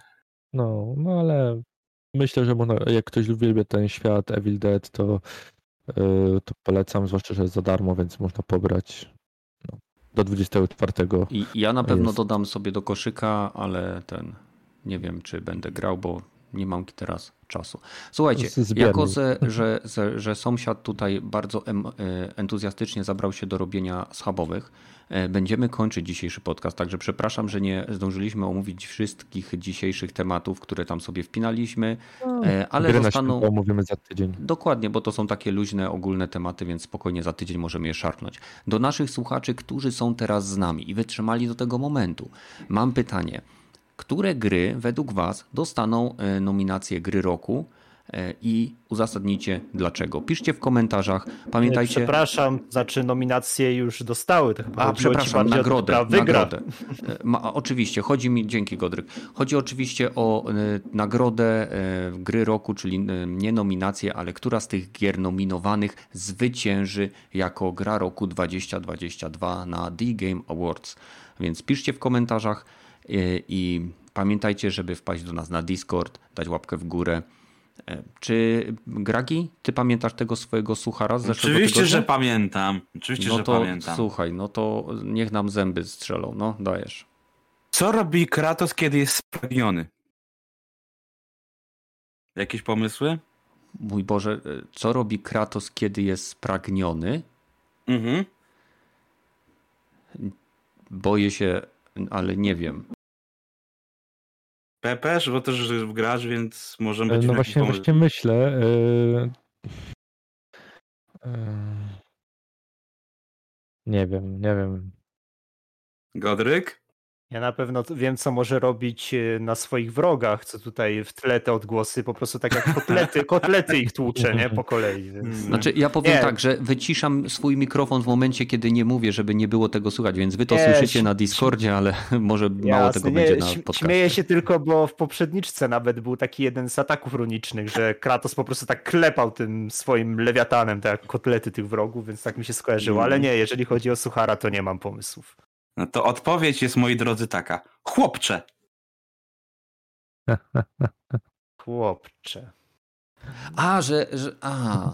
A wow. No, a. Bardziej poprawnie powinno być chłopcze, ale wiesz. No, wiem, wiem. Powiem ci, wiem od kogo ukradłeś tego suchara. No. Właśnie, też go gdzieś widziałem już. Nie widziałeś, a słyszałeś. A może Oj, gragi, gragi, no, no. No ja nie chyba właśnie na, na Twitterze Innym youtuberom podbierać, no nieładnie. Słuchaj, a wiecie, że jakby Sony przyjęło y, system wydawniczy Call of Duty, jeśli chodzi o God of War, to mielibyśmy God of War raz na rok? Aha, to, to, to, to, tak się powinien nazywać ten sequel, nie? Tak naprawdę. Nie, no to też jest z Twittera, także nie pamiętam kto to napisał, ale gdzieś ktoś to napisał. Okej, okay. dziękuję jeszcze raz wszystkim, którzy się z nami tutaj zebrali. Pamiętajcie, łapki w górę, zasubskrybujcie nas na Spotify e, i życzcie sąsiadowi smacznego kotleta.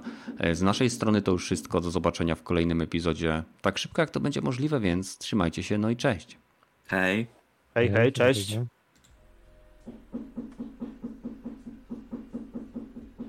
Tak, Ale sąsiad też się pożegnał. Dobry, dobry zawodnik. Mm. Ja mam nadzieję, że to jest kotlet.